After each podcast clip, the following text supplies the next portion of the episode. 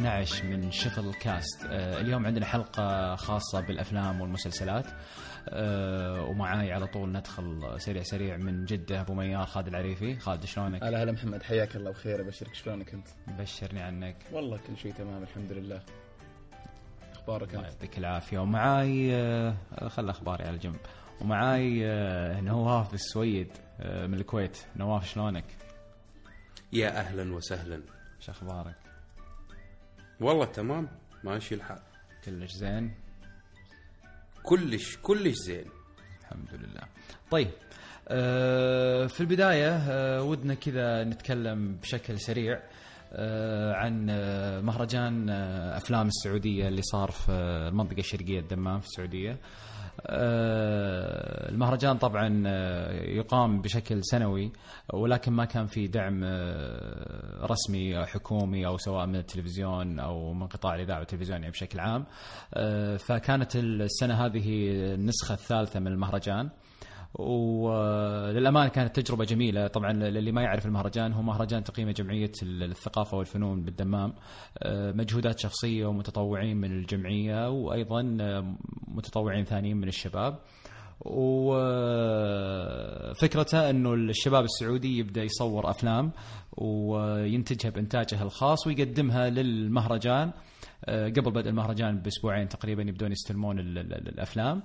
ويتم اختيار تقريبا 45 فيلم من أصل تقريبا 200 فيلم ترشيح مبدئي. آه، ماني متأكد من الأرقام بالضبط حسب هذا اللي وصلني يعني. آه، ومن ثم ال 45 فيلم هذه تدخل في ترشيحات إضافية. آه، لين يتم الاستقرار تقريبا على 20 فيلم تقريبا. يبدون ال 20 فيلم هم القابلين للعرض في المهرجان. طبعا كل العروض كانت تقام في جمعية الثقافة والفنون بشاشة سينمائية متواضعة جميلة وأيضا يعني surround system أو يعني آه، نظام صوتي ممتاز سينمائي. ويكون طبعا الحضور من رجال ونساء.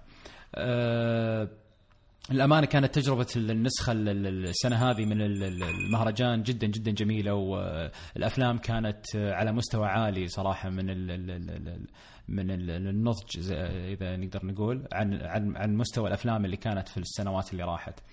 أه، وباختصار أنا حبيت أطرح الموضوع دعما لل- للجمعية ودعما يعني إنه شوف الكاست بنفسه نفسه يدعم ال- ال- المهرجان.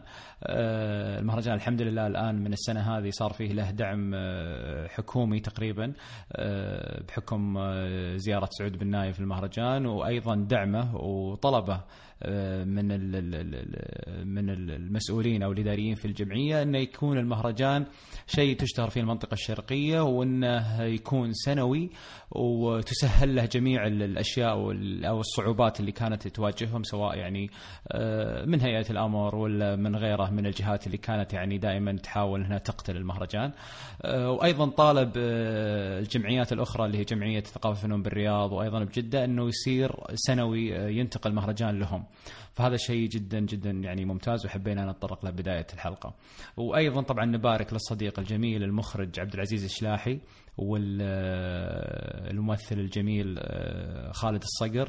على فوزهم في فيلم كمان صوت الموسيقى بجائزة النخلة الذهبية كأفضل فيلم في مهرجان أفلام السعودية للنسخة هذه يستاهلون. فألف ألف مبروك لهم للأمانة يستاهلون الشباب وأيضا الباقية يستاهلون اللي أخذوا النخلات الفضية والبرونزية طيب الشباب. جميل عندي سؤال قبل ما تقفل الموضوع هذا. تفضل. آه كم آه كم هل في كاتيجوريز محددة ولا يعني مجالات محددة في الجوائز هذه ولا بس عطنا نبذة عن توزيعها؟ طبعاً. هل هي زي الأوسكار مثلا ولا كيف نظامها؟ اي ممتاز. حلو. سؤالك مرة جميل. آه، طبعا هو ال- ال- ال- الجائزة الكبرى أو اللي عليها ال focus الكبير للمهرجان اللي هو جائزة أفضل فيلم. وعليها ثلاث نخلات اللي هي ذهبية وفضية وبرونزية. وتحتها يجي اللي هو أفضل آه، أفضل سيناريو.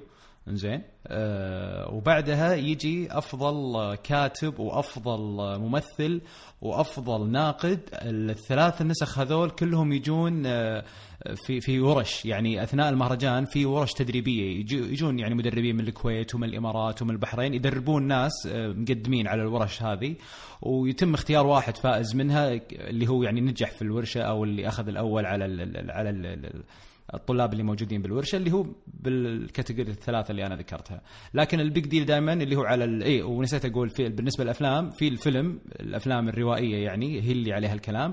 وأيضا في قسم للأفلام الوثائقية.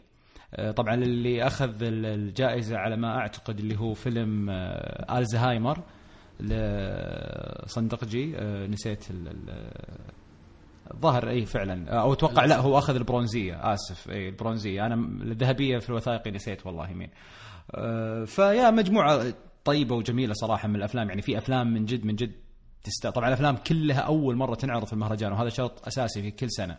كل ال- الأفلام اللي تعرض حصرية للمهرجان وما يتم عرضها يعني إلا بعد فترة طويلة. يعني مثلا إذا تذكرون فيلم عطوة نفس المخرج عبد العزيز الشلاحي شارك فيه العام الماضي وما أخذ أي جائزة مع أنه كان أكثر صدى آه، للأفلام واللي الناس أصلا ما تتذكر العام الماضي إلا فيلم عطوة لكنه ما أخذ يعني.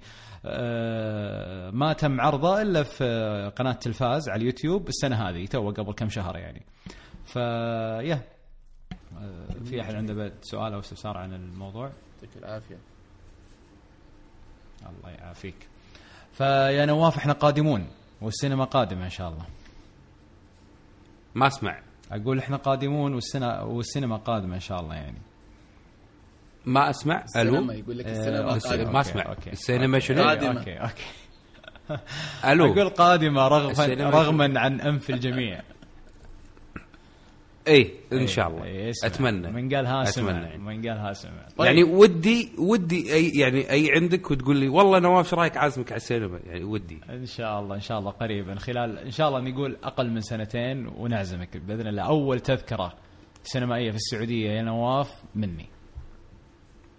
يلا ماشي. هذه مسجلة. إذا جيتنا أوديك حق 17 سينما عندنا. لا عاد هو مش الفكرة بالهياط هو الفكرة بانه كيف شوف الشباب السعودي كيف ينهض. بالسينما ويحمل السينما على عاتقه والله، يقولون السينما عندكم من كثره التقطيع تصير اقصر من ال trailer يا رجال يحطون يدهم على البروجيكتور تستهبل. لا لا هذا كان فتريات كذي إنه كانوا بيعدلونها بس انه الحين صارت لا خلاص. تقطيع تقطيع ما, ما في. بس آه، صراحة يعني شوف المهرجان أنا تابعتك شفتك بسناب شات وأنت قاعد تحط عنه. آه شيء حلو. شيء حلو إنك تشوف في جيل قاعد يطلع يبي يسوي يبي يعدل يبي يغير. رغم مو التضييق رغم الحرب بس اللي صايرة على نب... مو بس الأفلام. نبي سينما. يس مو بس نبي سينما لا عندنا فكر ونقدر نقدم رسالة حلوة من خلال ساعة ولا نص ساعة ولا وات مدة الفيلم إنه نقدر نقدم شيء نظيف شيء حلو الناس تشوفه تستمتع فيه تاخذ منه هدف. مو معناته إن عندي سينما معناته انه راح يكون هذا شيء يؤدي إلى الهلاك ويدخلك جهنم. ما له داعي مو لازم. صح. الإعلام رسالة قبل لا انه يكون آه، ترفيه. الله عليك. بس إن الشغلة هذه نست عند الناس. إيش رأيك فيني وأنا أعطيك لا ممتاز لأن. فعلا أنت ها. ذكرتني بشغلة دائما تذكر بالمهرجان ويذكرونها ال- ال- ال- ال- المسؤولين عن المهرجان. دائما يذكرون شغلة إيش الهدف من السينما؟ دائما يقولون إن يعني حنا العرب أو السعوديين تحديدا يعني المحرومين من السينما. آه، وتصدير الأفلام للخارج. آه، دائما يذكرون عبارة إنه حنا عندنا قصصنا الخاصة اللي تستاهل إنها تتسجل وتخرج كفيلم وتنعرض للعالم عرفت؟ إحنا نملك قصصنا الخاصة. وفعلا يعني كل سنة نشوف أفلام استحالة لا الأمريكي ولا البريطاني ولا غيره يقدر يتناول قصصنا الخاصة، يعني في فيلم كان اسمه آه، السنة هذه اسمه أصفر. آه، فيلم وثائقي يتكلم عن سواويق التكاسي أو سائقين التكاسي ال- ال- ال- ال- التكاسي الصفراء والتكاسي البيضاء. آه، فالتكاسي الصفراء هي القديمة والتكاسي البيضاء هي الحديثة. فكان في حركة جديدة بالكاميرا، كان في إخراج جديد، آه، كان عفوي مرة طبعا بطابع كوميدي للأمانة، والله العظيم يا شباب إني القاعة تنفجر ضحك ولا فيلم أجنبي كوميدي لأكبر الممثلين الكوميديين ممكن يضحك الشعب بالدقيقة هذه. ف يا يعني قصص زي كذا أو روايات زي كذا سعودية تستاهل أن الأيدي السعودية هي اللي تصنعها. يعني تعبنا إحنا لما يجونا الأمريكان ولا البريطانيين ويلبسك عقال مايل ويلبسك غترم مش عارف إيش ومن هالكلام أه، وتطلع أنت بصورة سيئة ولا بصورة ال- ال- ال- العربي الإرهابي ولا العربي اللي ملعوب عليه أه، في الفلوس ولا في الأشياء الثانية. فيا. جميل. طيب حلو. أه ودكم نبدأ بالفقره أفلام شفناها توكلنا على الله يلا طيب أه أبغى أبدأ بميار خالد هلا إيش عندك آه، أفلام السنة هذه؟ طيب آه السنة هذه آه، إيش فيني مضيع؟ إيش عندك أفلام؟ الأسبوع هذا. شفت الأسبوع هذا اي اي طبعا آه، أنا بتكلم اليوم عن آه، ثلاث افلام واحد منها تكلمنا عنه كثير لكن بقول رأيي بشكل مختصر بما إني توني شايفه. ما عندنا سينما زين. اللي هو آه، Star Wars الأخير. آه، تكلمنا عنه كثير و آه، هو يعني كان ماخذ أكبر من حجمه ولا ما أخذ أكبر من حجمه وحللناه. أنا أخيرا شفت الفيلم الأخير وبشكل عام كنت جدا مبسوط منه خصوصا لما تقارنه بال بالسلسلة اللي قبله. يعني حسيت إن الفيلم هذا فيه قصة فعلا. طبعا ما راح أتكلم عن الموسيقى عن الأشياء الثانية اللي already يتميز فيها ستار وورز لكن القصة كانت مرة حلوة. آه، تتوقع إنك لما تدخل فيلم زي كذا آه، بعد مرور آه، سنوات كثيرة عن ال- النسخ ال- اللي قبل وخصوصا إنه يكمل السلسلة الأولى اللي نزلت في السبعينات والثمانينات تتوقع إنه ما راح يبهرك لكن الأمانة المخرج بدأ في, في الإخراج بشكل عام وكذلك الكتابة كانت جدا ممتازة آه، في في القصة. آه، جديد على السلسله أبو ميار يعني ما شفت الاجزاء اللي قبل بوقتها مع الناس ولا؟ لا أنا مو مع الناس. لا لا لا. أنا ما شفتها إلا قبل يمكن كم شهر. آه، ما صراحة طيب ما حسيت بصعوبة إنك تدخل يعني ك fan ويعني أنا بصراحة لا شوف يعني شوف. أنا أفهم. أنا أنا أختلف عنك في شيء محمد. أنا ما أحب ال science fiction طيب؟ آه، آه. الشيء اللي اللي doesn't make sense وما يقدر يطبق على أرض الواقع ما أهضمه بسرعة. لازم إنه يكون شيء يعني أفهمه مرة. يعني زي ممكن أضرب لك مثال من الأشياء اللي ما أحبها في في Star Wars لو تتذكر Darth Vader من زمان مثلا ممكن يكون عنده قوة مي موجودة عند الناس إنه يحرك شيء من بعيد شخص من بعيد. طيب؟ أو إنه يجذبك أو إنه فاحيانا تشوف في الفيلم يقدر يس- يستخدم القوة هذه لكنه ما يستخدمها. يعني إحنا عارفين إنه خيال. فالشيء هذا ينرفزني مرة. يعني okay أنت عندك طاقات مي عند الناس الثانيين خلاص تقدر تسوي يصير لك control عليهم و... فالتفاصيل هذه شوية تفرق معي وتنرفزني. لكن Star يعني Wars أنت قصدك ضد ضد الخيال هذا اللي قاعد يصير ولا أنا لا- يا إن ال- الخيال يكون يعني متقن بدرجة مرة. يعني أنت علمتني إن الشخص هذا عنده قدرات معينة خلاص كمل على القدرات هذه لنهاية الفيلم. لا تخلي لي مساحة اني إني أكتشف عليك خطأ. يعني شوية الموضوع فيه وسوسة شوية. لكن إنك. تلخبط لي الوضع لا أنا ما هضمه. يطلع عندي فيك ويطلع عندي مو مقبول. الزبدة إن الفيلم جدا عجبني. طبعا أنا دائما أعتقد إنها overrated Star Wars بشكل عام ماخذ أكبر من حجمها وهي لعبة تسويقية أشوفها مرة كويسة. لكنها يعني آه، الفيلم الأخير خصوصا مقارنة باللي قبله أعجبني كثير. ف yes هذا الفيلم الأول. تبغى ننتقل آه، تكلم انت عن فيلم ثاني ولا أكمل لك في الأفلام؟ والله آه، okay خلني أنا أتكلم عن آه، فيلم آه، Zootopia. حلو. أو يسمونه بعض السينمات اسم ثاني اللي هو له اسم ثاني ولكن خلونا على Zootopia. ال- ال- الفيلم طبعا هو animation من آه، خلوني أتأكد بس أساس اي من ديزني فعلا. آه، للأمانة ال- الفيلم طبعا أنا شفته في السينما من- بيكسار ولا من- من ديزني بس؟ في السينما. لا ديزني بس. آه هذا الواضح عندي إنه ديزني. يعني أذكر حتى بيكسار ما طلع شعارها في, في السينما. لكن يصححوا لي الناس إذا أنا غلطان. آه خليني أتكلم شوي عن آه قصة ال- ال- الفيلم. آه، قصة الفيلم باختصار هو يتكلم عن آه، عالم آه، أو كوكب تقدر تسميه حتى ما فيه بشر كل الموجودين على سطح المدينة هذه أو العالم هذا هم حيوانات. طيب تجاوزوا آه، مراحل كثيرة وتطوروا إلى مراحل كثيرة آه، لدرجة أن آه، تشوف أغلب الوظائف اللي إحنا اعتدنا أن الوظائف هذه ما يمسكها إلا البشر آه، لا ماسكينها حيوانات. طيب آه، بتتكلم عن الشرطي ال- ال- مدير مدير شو اسمه عفوا مش مدير المحافظ حق المدينة ال- ال- البياعين ال- ال- اللي ينظفون الشوارع كل كل الوظائف اللي تخطر على بالك يعني آه، ماسكينها حيوانات. طبعا إيش إيش إيش المميز هنا؟ إنه يا أخي فعليا معطين كل حيوان الوظيفة اللي فعلا تناسبه عارف؟ يعني كل حيوان مختارين بعناية جدا جدا دقيقة إنه يسلمونه وظيفة مثل كذا.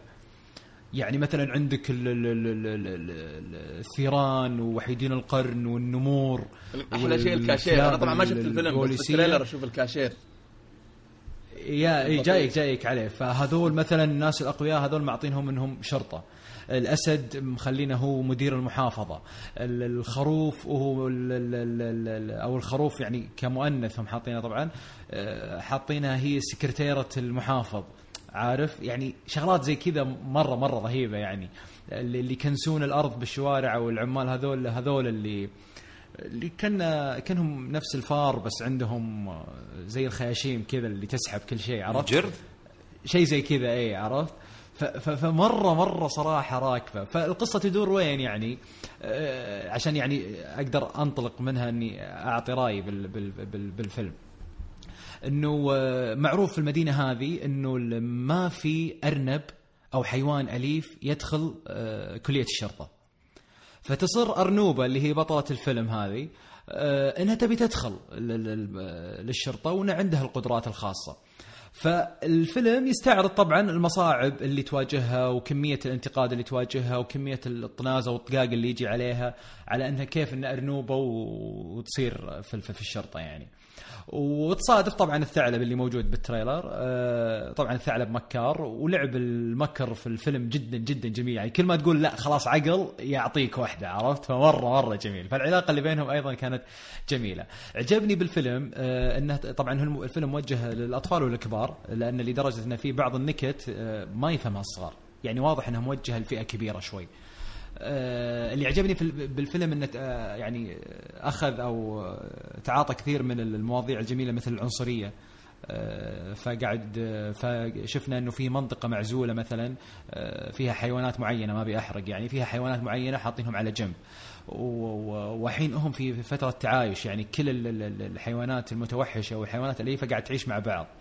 ففي شيء يصير أنه يبون يرجعون للزمن القديم. يعني في فئة من الحيوانات يبون يرجعون للزمن القديم وإنهم كيف أنه لا الحيوانات المتوحشة طول عمرها راح تصير متوحشة مستحيل تصير أليفة وتبدأ العنصرية ال- ال- ال- ال- الحيوانية هذه والفئات الحيوانية تبدأ تتفرق مع بعض وكيف عرفت؟ ففي تشكيلة جميلة تتكلم عن العنصرية. طبعا هو إسقاط على العنصرية البشرية اللي عندنا. كل الفيلم المشاكل اللي واجهوها سواء مشاكل سياسية مشاكل الحكم مشاكل تنظيم المدينة مشاكل العنصرية كلها أسقاطات حقيقية على عالم البشر. يعني عرفت اللي واحد يبي يطقطق على البشر بس بأسلوب إنه ما يزعلون البشر؟ بالضبط كذا. يعني حتى مثلا جايب لك آه، واحد من النمور دلوع كذا وخكري. وماخذ وظيفة استقبال. فكيف إن العالم مو متقبلة؟ لا أنت نمر لازم ما تصير كذا لازم تصير شيء عرفت؟ فمرة مرة صراحة يعني ال- الفيلم يستاهل أنك يعني تودي حتى أطفالك إذا عندك أطفال وأيضا حتى شباب. يعني أنا حضرته مع شباب والأمانة يعني أعطانا جرعة متعة وجرعة ضحك. طبعا لا أحدثكم لا أكلمكم على التفاصيل. دقة في التفاصيل يا شباب في الرسم وال animation بشكل مش طبيعي. يعني في بعض الحركات الحيوانات طبعا كمية الحيوانات اللي حاطينها في, في, في الفيلم مجنونة يعني. أنا ما أتذكر كل الحيوانات اللي مج... اللي شفتها. بس في حيوانات غريبة يعني. إيش؟ تبي فيل تبي زرافة تبي وحيد قرن تبي أسد تبي نمر تبي خرفان بانواعها اشياء أشياء كثيرة مرة يعني حيوانات. طيب؟ فعلى قولة خالد الحيوان هذا اللي كان بطيء مرة نسيت اسمه. آه، نفس الشيء يعني آه، أدى دور بشكل جدا مجنون. وأيضا في نهاية الفيلم مغنية طبعا جدا معروفة ما أبي أحرق المتعة هذه آه، تغني نهاية الفيلم مرة أغنيتها رهيبة تشعل القاعة تشعل يعني. آه، طبعا الفيلم آه، ماخذ آه، 8.4 في آي إم دي بي وللأمانة ما عندي معلومات عن ممثلين الصوت لأن ما دخلت شفتهم أو تأكدت منهم. آه، لكن بشكل عام فيلم ممتع آه، جميل. ما هو أسطوري ما هو فيلم تتذكره بعد سنوات لا لكنه فيلم جدا جدا ممتع تستمتع بكل التفاصيل اللي فيه. آه، ما في سلبيات السلبيات جدا يعني قليلة. آه، كمية الكوميديا اللي فيه جدا ممتعة وجدا جميلة. آه، التفاصيل أرجع أقول التفاصيل التفاصيل. وإنتم إن شاء الله إذا شفتوه بتتأكدون لما نقول أبالغ في التفاصيل هذه إنها ما بتكون مبالغة لا فعلا. يعني إذا تذكرون فيلم Inside Out شفتوا التفاصيل اللي فيه؟ ولا شيء جنب التفاصيل اللي هنا. ما أتكلم عن الفكرة أتكلم عن التفاصيل في حركة الحيوانات التفاصيل في في الخوف في الدهشة في, في تعابير الوجه في الرياكشنات حقت الحيوانات. في تفاصيل جديدة أول مرة نشوفها في فيلم animation للأمانة يعني. فهو طبعا يمكن أتوقع الجميل اللي رفع ال- ال- ال- المتعة عندي إني أنا داخل ال- الفيلم وماني محاط أي توقعات. يعني داخل ما سمعت عنه أي ضجيج ولا شفت ال trailer وكان عاجبني الموقف اللي موجود بال trailer تقدروا تروحون تشوفونه تستمتعون بال trailer. ال trailer حاله يعني متعة تشوفها أربع خمس مرات. فدخلت على ال على ال على الانطباع هذا فانذهلت جدا صراحة من جودة ال- ال- ال animation هذا. آه، مدة الفيلم ساعة و48 دقيقة تقريبا. فيا ممتع هذا اللي سؤال. آه المناسب للكبار برضو يعني تفضل. مرة ولا حق أطفال ومقبول للكبار؟ يعني بتستمتع فيه أنت كشخص؟ لا لا لا. أنا أنا قلت لك أنا دخلتها مع شباب واستمتعنا كشباب. في أشياء طفولية بس بشكل عام حتى الطفولية ما هو بحق أبو ثلاث أربع سنوات. okay بيستمتعون. بس لا يعني لأنه أصلا المواضيع اللي يتكلم فيها ثقيلة ترى شوي عرفت؟ يعني هو يبي يفهم ال- الصغار السن مو الأطفال صغار السن أو المراهقين المشاكل اللي يواجهونها البشر الحين في الوقت الحالي يعني بس إسقاطات و- على عالم okay، الحيوانات. okay. اي إي في في في أشياء عميقة يعني لدرجة إني أنا أحتاج أشوف الفيلم مرة ثانية على أساس أستوعب بعض الشغلات لأني في البداية أخذتها من طابع هستيريا وطابع كوميدي بعدين فهمت إنه لا لا ترى الموضوع جدي يعني هذه مشكلة صايرة وهم قاعدين يناقشونها يعني. فلا يعني يستحق ويحترم عقلك للأمانة. ممتاز جميل حمد. طيب جميل. آه ننتقل للفيلم اللي بعده آه نواف. تبي أنا أقول الفيلم؟ ما راح تكمل أفلامك ها؟ ماشي إي لا لا كل واحد قاعد يعطي فيلم بعدين نرجع لبعض. على أساس لا يملون اللي يسمع أنا لأن أشوف. يعني عادي. نواف طايح في ال... إيه أنا بطلع آه، بطلع شوي من سالفة الأفلام ال- يعني السينما واللي الناس تعرفها. بعطيكم أفلام شوي تكون يقدرون يشوفونها ب- باليوتيوب. حلو. فراح أعطيكم أفلام وثائقية. آه، أفلام اليوم كلها راح تكون وثائقية. فأول فيلم عندنا اسمه Terms and Condition May Apply فكرة الفيلم اللي هي آه، الشروط والأحكام اللي تطلع بكل المواقع والخدمات في الإنترنت اللي نشوفها اللي بس نضغط موافق وما نقرأ ولا شيء فيها. آه، قصة الفيلم يتكلم عن آه، أغلبه عن شركة جوجل وفيسبوك وشلون يتعاملون مع التغيرات اللي تخدم مصالحهم. آه، ما يطلعهم بصورة الناس اللي إن هم الشركات ال- الظالمة ولا الطاغية ولكن يبين لك إن شلون إحنا مستسهلين كلمة الموافقة على الشروط والأحكام اللي موجودة. فهذه شغلة آه، وايد حبيت إن قدموها. وعوا الناس إن اقرأ الحكي اللي موجود. آه، مو لأن الكلام وايد كبير فمعناته انه يلا خلينا نوافق وبس. آه، شنو اللي لك شنو اللي عليك؟ وبعض الأحداث وايد حلو الفيلم صراحة. أنا من يعني أنا وايد أحب الأفلام الوثائقية وهذا من الأفلام اللي استمتعت وأنا أشوفه صراحة وأتمنى الكل يشوفه. طب نواف؟ آه، موجود على يوتيوب. ما له داعي أماكن معينة ولا هذا تلقونه بيوتيوب. طب نواف حدثت سناب شات نواف؟ حدثت سناب شات؟ ويا ليتني ما حدثت دقيقة سناب دقيقة. أول شيء يوم حدثته وفتحته طلع لك شروط قريتها ولا لا؟ قريت التغييرات. قريتها كلها. لا قريت التغييرات مو قريت condition طلع update كلها. لل privacy policy أو حاجة زي كذا. قريتها ولا لا؟ ولا ضغطت accept على طول؟ لا لا دخلت على التحديثات. في عندهم الصفحة اللي حاطين هم تغيروا شنو. فالتغييرات كانت اللي مكتوبة إنه موجود عندك راح يتغير طريقة تفاعلك لما تنشر سنابة بال بالأحداث اللي موجودة سواء كانت محلية أو عالمية أو أحداث في منطقة معي معينه مثلا أو مباراة أو شغلة حدث معين. فهذا اللي راح يتغير طريقة شلون إن كويس، يعني السناب يعني اللي أنت. تنشره عندهم راح يكون بابليك إي لا لا. وايد يعني من بعد الفيلم تغيرت شوي انه مو بس اضغط موافق ولا على كل شيء. آه، في أشياء لازم أقراها. مع إنه قبل كنت عادي نفس كل الناس بس طق موافق وانتهى الموضوع وسوي اللي تسويه جميل يا أخي. يا أخي اليوتيوب. وحتى وفي نقطة في نقطة بس حبيت أذكرها ما أدري إذا آسف إذا قاطعتك. آه، يتكلم عن إن في واحدة من الموافقات اللي أنت توافق عليها بشركة أبل على الآيتونز. إنك ما تقدر تستخدم البرنامج لأغراض إنتاج قنابل نووية أو أسلحة نووية. ال iTunes. عجيب. فتخيل إن هذا واحد من الشروط اللي أنت موافق عليها. وأنت ما تدري.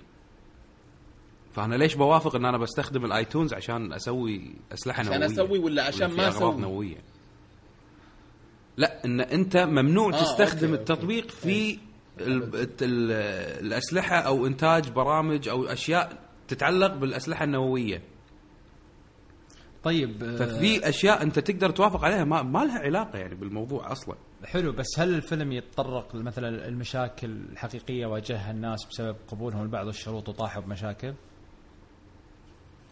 آه إيه. بس إن الغالب إن الفيلم يشرح لك الشركات شلون تتعامل مع التغيرات اللي هي تبيها تصير على مزاجها. فيعني عندك أنت مثلا بعض الشروط ما تمشي مع مصلحتي أنا كشركة فأقدر أغيرها وأحور فيها وأعدل فيها وأخليك توافق بدون ما أنت تحس. ويبين لك انه لازم إحنا نتعامل مع المواقع هذه مو كأنه خدمة موجودة. لأنه والله قاعد يعطونا خدمة ببلاش فمعناته انه إنسان متفضل عليه. لا هذه شركة فلازم نتعامل معاها بأسلوب شركات. إن أنت الحين لما تروح حق أي مكان أو أي شركة تقرأ مثلا شنو اللي لك شنو اللي عليك شنو اللي بتاخذه شنو اللي بيعطونك إياه. فهذه الشركات هم لازم نتعامل معاها بهذا الأسلوب. أه هم عندهم أسلوب تعسفي شوي. انه مثلا يا إنك توافق يا ما راح تستخدم الخدمة. هذه اللي مو قادرين آه، الناس كلها تغيرها. فمثلا إذا أنا بستخدم فيسبوك بس في بعض النقاط أنا ما أبي أوافق عليها. لا يا توافق على الشروط كلها يا إنك ما تستخدم فيسبوك. هذه النقطة اللي هم قاعد يوضح لك إياها انه هل في بديل حق الشيء هذا؟ هل لازم توافق ولكن بحذر ما تستخدم؟ شنو اللي تحطه؟ شنو اللي تسويه؟ ففيلم وايد يستحق إنك تشوفه. يعني يوضح لك وايد أمور قاعد تصير. الناس تاخذها بشكل سهل إنه يلا عادي طق موافق وخلاص. جميل ممتاز حلو جميل. آه في يعني في آه الكاست اللي شغال عليه يعني معروف أو في أحد منهم معروف يعني يشدك؟ ما ما شفت. الفيلم بالنهاية هو يعني documentary يعني وثائقي. فما في واحد اللي شفته يكون مثلا والله مسوي documentary من قبل ولا إنسان مشهور وكذي. بس شدني الاسم وشفت الفيلم فلقيته يعني يسوى إنك تشوفه. حلو يا أخي. ما يخرعك ولكن ينبهك. يا أخي ال- يعني ما يكرهك بالخدمات هذه بس ينبهك. اليوتيوب اليوتيوب والإنترنت بشكل عام مليان مرة مرة آه، أفلام وثائقية ممتازة. أتذكر قبل فترة طحت لي على موقع اسمه Documentary Addict dot com ممتاز. مرتب لك كا يعني في حتى الآن في أكثر من 5000 فيلم وثائقي تخيل مجاني. ومرتب لك إياه على حسب الصحة ال- الأحياء ال- الأحداث معينة الأديان زي كذا. ففعلا جتني فترة أنا كل ما طفشت أبد. افتح اليوتيوب وافتح لك وثائقي وتفرج عليه. فكويس إنك تطرقت له اليوم. طيب. والله أنا أشوف الأفلام الوثائقية تنمي اللي فيك. طبعاً، يعني طبعاً. تخليك تفكر سواء كان القضية اللي قاعد يطرحونها قضية آه، تعجبك أو ما تعجبك توافق عليها أو تختلف معاها هو بالنهاية ما يحط لك فكرة عشان تصدقها ولكن يوضح لك أشياء يخليك أنت تفكر فيها. بالضبط بالضبط. الأفلام العادية هي ساعتين آه، يحط لك قصة موجودة فيها بداية وقصة ونهاية وبس تاخذها مثل ما المخرج شافها أو المؤلف كتبها. بس الأفلام الوثائقية تعطيك دافع إن أنت تفكر تشوفها بمنظور ثاني تبحث عن الموضوع هذا تكتشف فيه أكثر فأنا عشان كذي أحب الأفلام الوثائقية أكثر من الأفلام العادية جميل. طيب جميل طيب آه أنت الحين ذكرت كم آه فيلمين منهم ولا واحد؟ واحد بس لا هو فيلم واحد, واحد. للحين طيب. قلت واحد بسم الله تبي تخلص مني بسرعة ها؟ لا لأني كاني سمعت إنك بتقول الثلاث ال- ال- طيب طيب okay لا على أساس نجيب الدور يعني أنا ودي إنه كل واحد يقول فيلم بعدين نرجع لثاني طيب جميل. أجل الحين اي كل واحد فيلم. ممتاز. أنا ف- هذا اللي فهمته. ممتاز ممتاز. طيب آه، أبو ميار إيش. عندك؟ الفيلم الثاني اللي شفته تقريبا قبل آه، أسبوع أو أقل اسمه Wedding Ringer من بطولة كيفن هارت أوه. آه، تعرفون كيفن هارت اللي هو الأسمر القصير الكوميديان. آه، الفيلم جدا ممتع. اللي أنا ما أحبه. آه، هذا أنا صراحة أشوفه ايدي ميرفي اللي لا ليش ليش ما تحبه محمد؟ والله. ما أدري يا أخي ما والله اشوفه إيدي ميرفي الجديد. لا رهيب ممكن يكون. مزعج أحيانا بس إنه بشكل عام مرة مرة رهيب وممتع. الزبده الفيلم آه، قصته طبعا عن ال- ال Wedding Ringer اللي هو ال آه، وش يسمونه وش يسمونه عندنا؟ اللي هو يجي مع ال يعني الإشبين إشبين المعرس اللي يمسك بالضبط، الخاتم يعني بالضبط. رفيقه. الخوي يعني. الخ- الخوي- الخوي. ف- خوي المعرس ففكرته مسوي له زي الشركة اللي ينقال له هو اللي ينقال له يعني هو الخبرة عرفت اللي يقعد بالضبط اللي يضبط يوديه ويجيبه فهو يجي عند الناس اللي عندها فلوس بس ما عندها خوي أو ما عندها ربع فيجون عنده ويضبط لهم ال- الجو كله الزواج ممتاز فالفكرة إنه يجي واحد اللي هو بطل الفيلم واحد عنده فلوس كثير ويفزع له ويخش في المغامرات والتفاصيل و... الفيلم جدا ممتع ممتع. طبعا مو ب... يعني اللي ممكن ال quality فيه ما أتوقع إنه شيء عالي لكنه جدا ممتع. آه، في IMDb ماخذ 6.7 في آه، يعني مدة الساعتين إلا ثلث يعني ساعة و40 دقيقة تقريبا. آه، كوميدي 100% ما في دراما كثير. يعني حق الوقت الفاضي إن صح التعبير. نهاية الفيلم في كم؟ نكتة حلوة مرة أو ذبة ما أبغى أحرقها ولا أبغى أجيب أي شيء يتعلق فيه لكنها في نهاية الفيلم. إذا شفتوها بتفهمونها بتذكروني. جدا جدا مضحكة. آه، كم تقييم الفيلم؟ أنا بس عوض عوض لحظة محمد ما عليك أمر. آه، إذا في ناس متابعين وايد راح تردهم لتقريبا عشر سنوات ورا. عدل بالضبط، مميار عليك نور عليك نور. إيه جميل. كم تقييم ال- ال- ال- تقييمه آه، 6.7 في IMDb وفي Rotten Tomatoes اللي هو أدق 28% فالفيلم يعني زي ما قلت لك مو ب quality لكنه يقضي الوقت. يعني ساعة يعني أعتبره family family movie يعني فيلم عائلي إن صح التعبير. مو بعائلي مرة نص عائلي. لكنه ممتاز. ممتاز ممتاز. جميل. طيب أه تسمحوا لي أقول الفيلم اللي بعده؟ ثقيله شوي. اسال نواف. أه لا لا أنا أنا محمد لأن أنت أفلامك آه، الحين تقعد ست ساعات تسولف عنها. آه أوكي يعني نظامك كذا. إيه طب ترى أصلا الفيلمين اللي بقولهم الفيلم- أصلا أنت شايفهم إيه؟ تدخل معي بالنقاش فيهم. آه عشان كذي ما عشان لا نطول خلينا نقول أفلام نخلص منهم نفتك لأن كلهم وثائقية يعني عادي. يلا أجل أروح أنام ويدخل الفيلم الث... لا لا لا لا, لا بس. بسرعة بسرعة لا تحاجل يلا يلا. الفيلم الثاني طال عمرك اسمه Nano the Next Dimension يتكلم عن تقنية النانو واللي حاب يفهم فيها وعن شنو استخداماتها وشنو بالمستقبل راح يصير في تقنية النانو. هذا الفيلم وثائقي وايد حلو حقها بس شفت شلون؟ ما طولت فيه. حلو بس الناس تبغى معلومات عن الفيلم يعني ما تبغاك تذكر شنو قصة الف- الفيلم وبس يعني يبون يعرفون تجربتك شوف، ال- هل يعني؟ هل- الوثائقية- إيش اللي اثر فيك؟ آه، ليش ليش يعني السؤال دائما يعني الناس تبغى تعرفه. لما تتكلم عن الفيلم هذا و... وتتكلم عن قصته. طيب إيش اللي يخليني أنا أروح أشوف الفيلم هذا؟ عرفت؟ إيش اللي غير في نواف أو اللي اثر في نواف أو اللي خلى نواف يجي ويتكلم عن الفيلم هذا تحديدا عن مئة فيلم ثاني؟ عرفت؟ آه. إذا كذي عيل خليني أقول لك شوف. اي فخذ راحتك. لا بالعكس أنا ترى أنا أخاف والله المستمعين يقولون والله ذا شكله محمح. قايل لهم كل واحد 15 ثانية يتكلم بال لا مو في إنستغرام إحنا حتى إنستغرام رفع دقيقة الحين. ف شو اسمه خذ راحتكم يعني. بالعكس قد ما تقدرون تكلموا عن الفيلم. لا لا هي مو قصة إن يعني نتكلم عنه ولا لا بس أنا بالنسبة لي يعني الفيلم الوثائقي هي الفكرة وأنت إذا تبي تشوفه ولا لا. يعني مثلا أقول لك شفت الفيلم الوثائقي عن الفراعنة؟ تخيل أقول لك آه، بالفيلم يتكلم لك عن توت عنخ آمون وشلون بنى الهرم. أنت already هذا شيء موجود عندك يعني أنت تدري عنه تبي تقرأ اقرأ. بس أنت تبي تشوف الفكرة شنو المطروح فيها. ف ما أقدر أقول لك قصة لأن already هو ما في قصة. هو قاعد يشرح لك عن تقنية جديدة موجودة.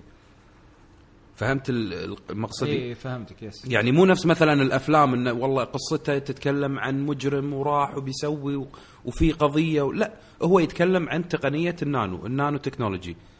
شنو هي؟ شنو اللي ممكن آه، تصير؟ شنو الاستخدامات اللي بتستخدم في المستقبل؟ فتجربتي إنه فتح لي آه، مثل مراية أو طريق جديد أشوف فيه المستقبل. إنه والله كل الأشياء اللي عندنا راح تصغر راح تصير أحسن راح تصير أفضل. وتدخل أنت في خيالك تقعد تتخيل شنو اللي ممكن يصير فيها. شنو ممكن يستخدمون التقنية هذه في المستقبل. يعني نفس مثلا الحين عندك ال nano coating ال nano coating هذا اللي تنحط على السيارات عشان إذا طق مطر أو غبار وهذا ما تتزلق السيارة أو الماي ما يبقى عليها ما يطبع. فتظل السيارة طول عمرها نظيفة عندك. آه، مثلا اللي تحطه على اللبس. فإذا أي شيء انكب عليك على الملابس ما تتوسخ. الملابس نفسها راح تنصنع من النانو فمعناته إنه ممكن أنت تنظف ملابسك إذا توسخت خلال ثواني. ما له داعي إنك تحطها في الغسالة وتغسلها. وتنتظر وتسوي هذا كله. شفل ساينس محمد. فيعني أنا دخلتك في مواضيع هذه ما لو بقعد أشرح لك شنو صار طب بال- بالاخراج لا، لا، لا، الاخراج كيف الاخراج. كويس يعني لا لا لا, لا, لا, لا, لا معلش بس خلني أوضح نقطتي مرة ثانية معلش. نواف أنا ما أبغاك تشرح لي الفيلم. أنا باختصار اللي أبغاه إيش انطباعك من الفيلم؟ إيش غير فيك؟ إيش أثر فيك؟ ليش الفيلم هذا تحديدا؟ هل والله طريقة إخراج الوثائقي ممتازة؟ هل والله المت- المتحدثين أو الناس اللي يسوون معاهم المقابلات شخصيات تعرف تتكلم بطريقة تشد؟ أنا هذا اللي أقصده عرفت؟ ما أقصد نفسه هو الموضوع إيش فيه عرفت؟ هذا هذا هذا اللي أنا بس أقصده يعني. أنا عارف إيه، طبعا هو أنا- أنت لما تتكلم عن فيلم فيلم عادي مثل الافلام اللي نتكلم عنها طبيعي بتناولها زي ما نتناولها بالعادة. لكن يمكن لأن هالمرة شوي غيرت وجبت أفلام وثائقية وعلى اليوتيوب فما أبغاك تقصر في, في, في, في, في انطباعك عرفت؟ أبغاك تعطي انطباعك الكامل يعني. أنا والله شوف قاعد أقول لك يعني انطباعي عن الفيلم فتح لي يعني نظرة جديدة على المستقبل شنو بيصير.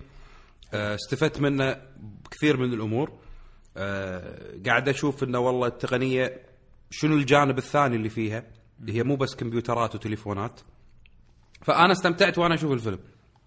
يعني شفت بدايته شفت اللي قاعد يصير فيه. اللي متحدثين فيه قاعد يتكلمون من منظور علمي شنو اللي ممكن يستخدمونه شنو الأشياء اللي موجودة وشلون ممكن يطورونها وشلون ممكن إحنا نستفيد منها. ويعطيك جوانب ثانية موجودة. يعني لأنه هو حاط لك the next dimension ال dimension اللي موجود عندنا حاليا إحنا شلون نستخدم التقنية وشنو المنظور الثاني اللي لو نستخدمه بتقنية النانو بالعالم كله. فهمت قصدي؟ حلو. ما راح أعطيك أكثر من كذي لأن ما أقدر أشرح لك اللي قاعد. يصير إيه، لا. لا لا كذا كذا ممتاز. أنا ما أبغاك تشرح لي الفكرة مثل ما قاعد أقول لك. أبغى الناس تروح وتشوف الفكرة أكيد يعني. آه، طيب جميل. في إيه،. عندك بعد الحمد لله. الحمد لله. في عندك بعد آه، ثاني ولا؟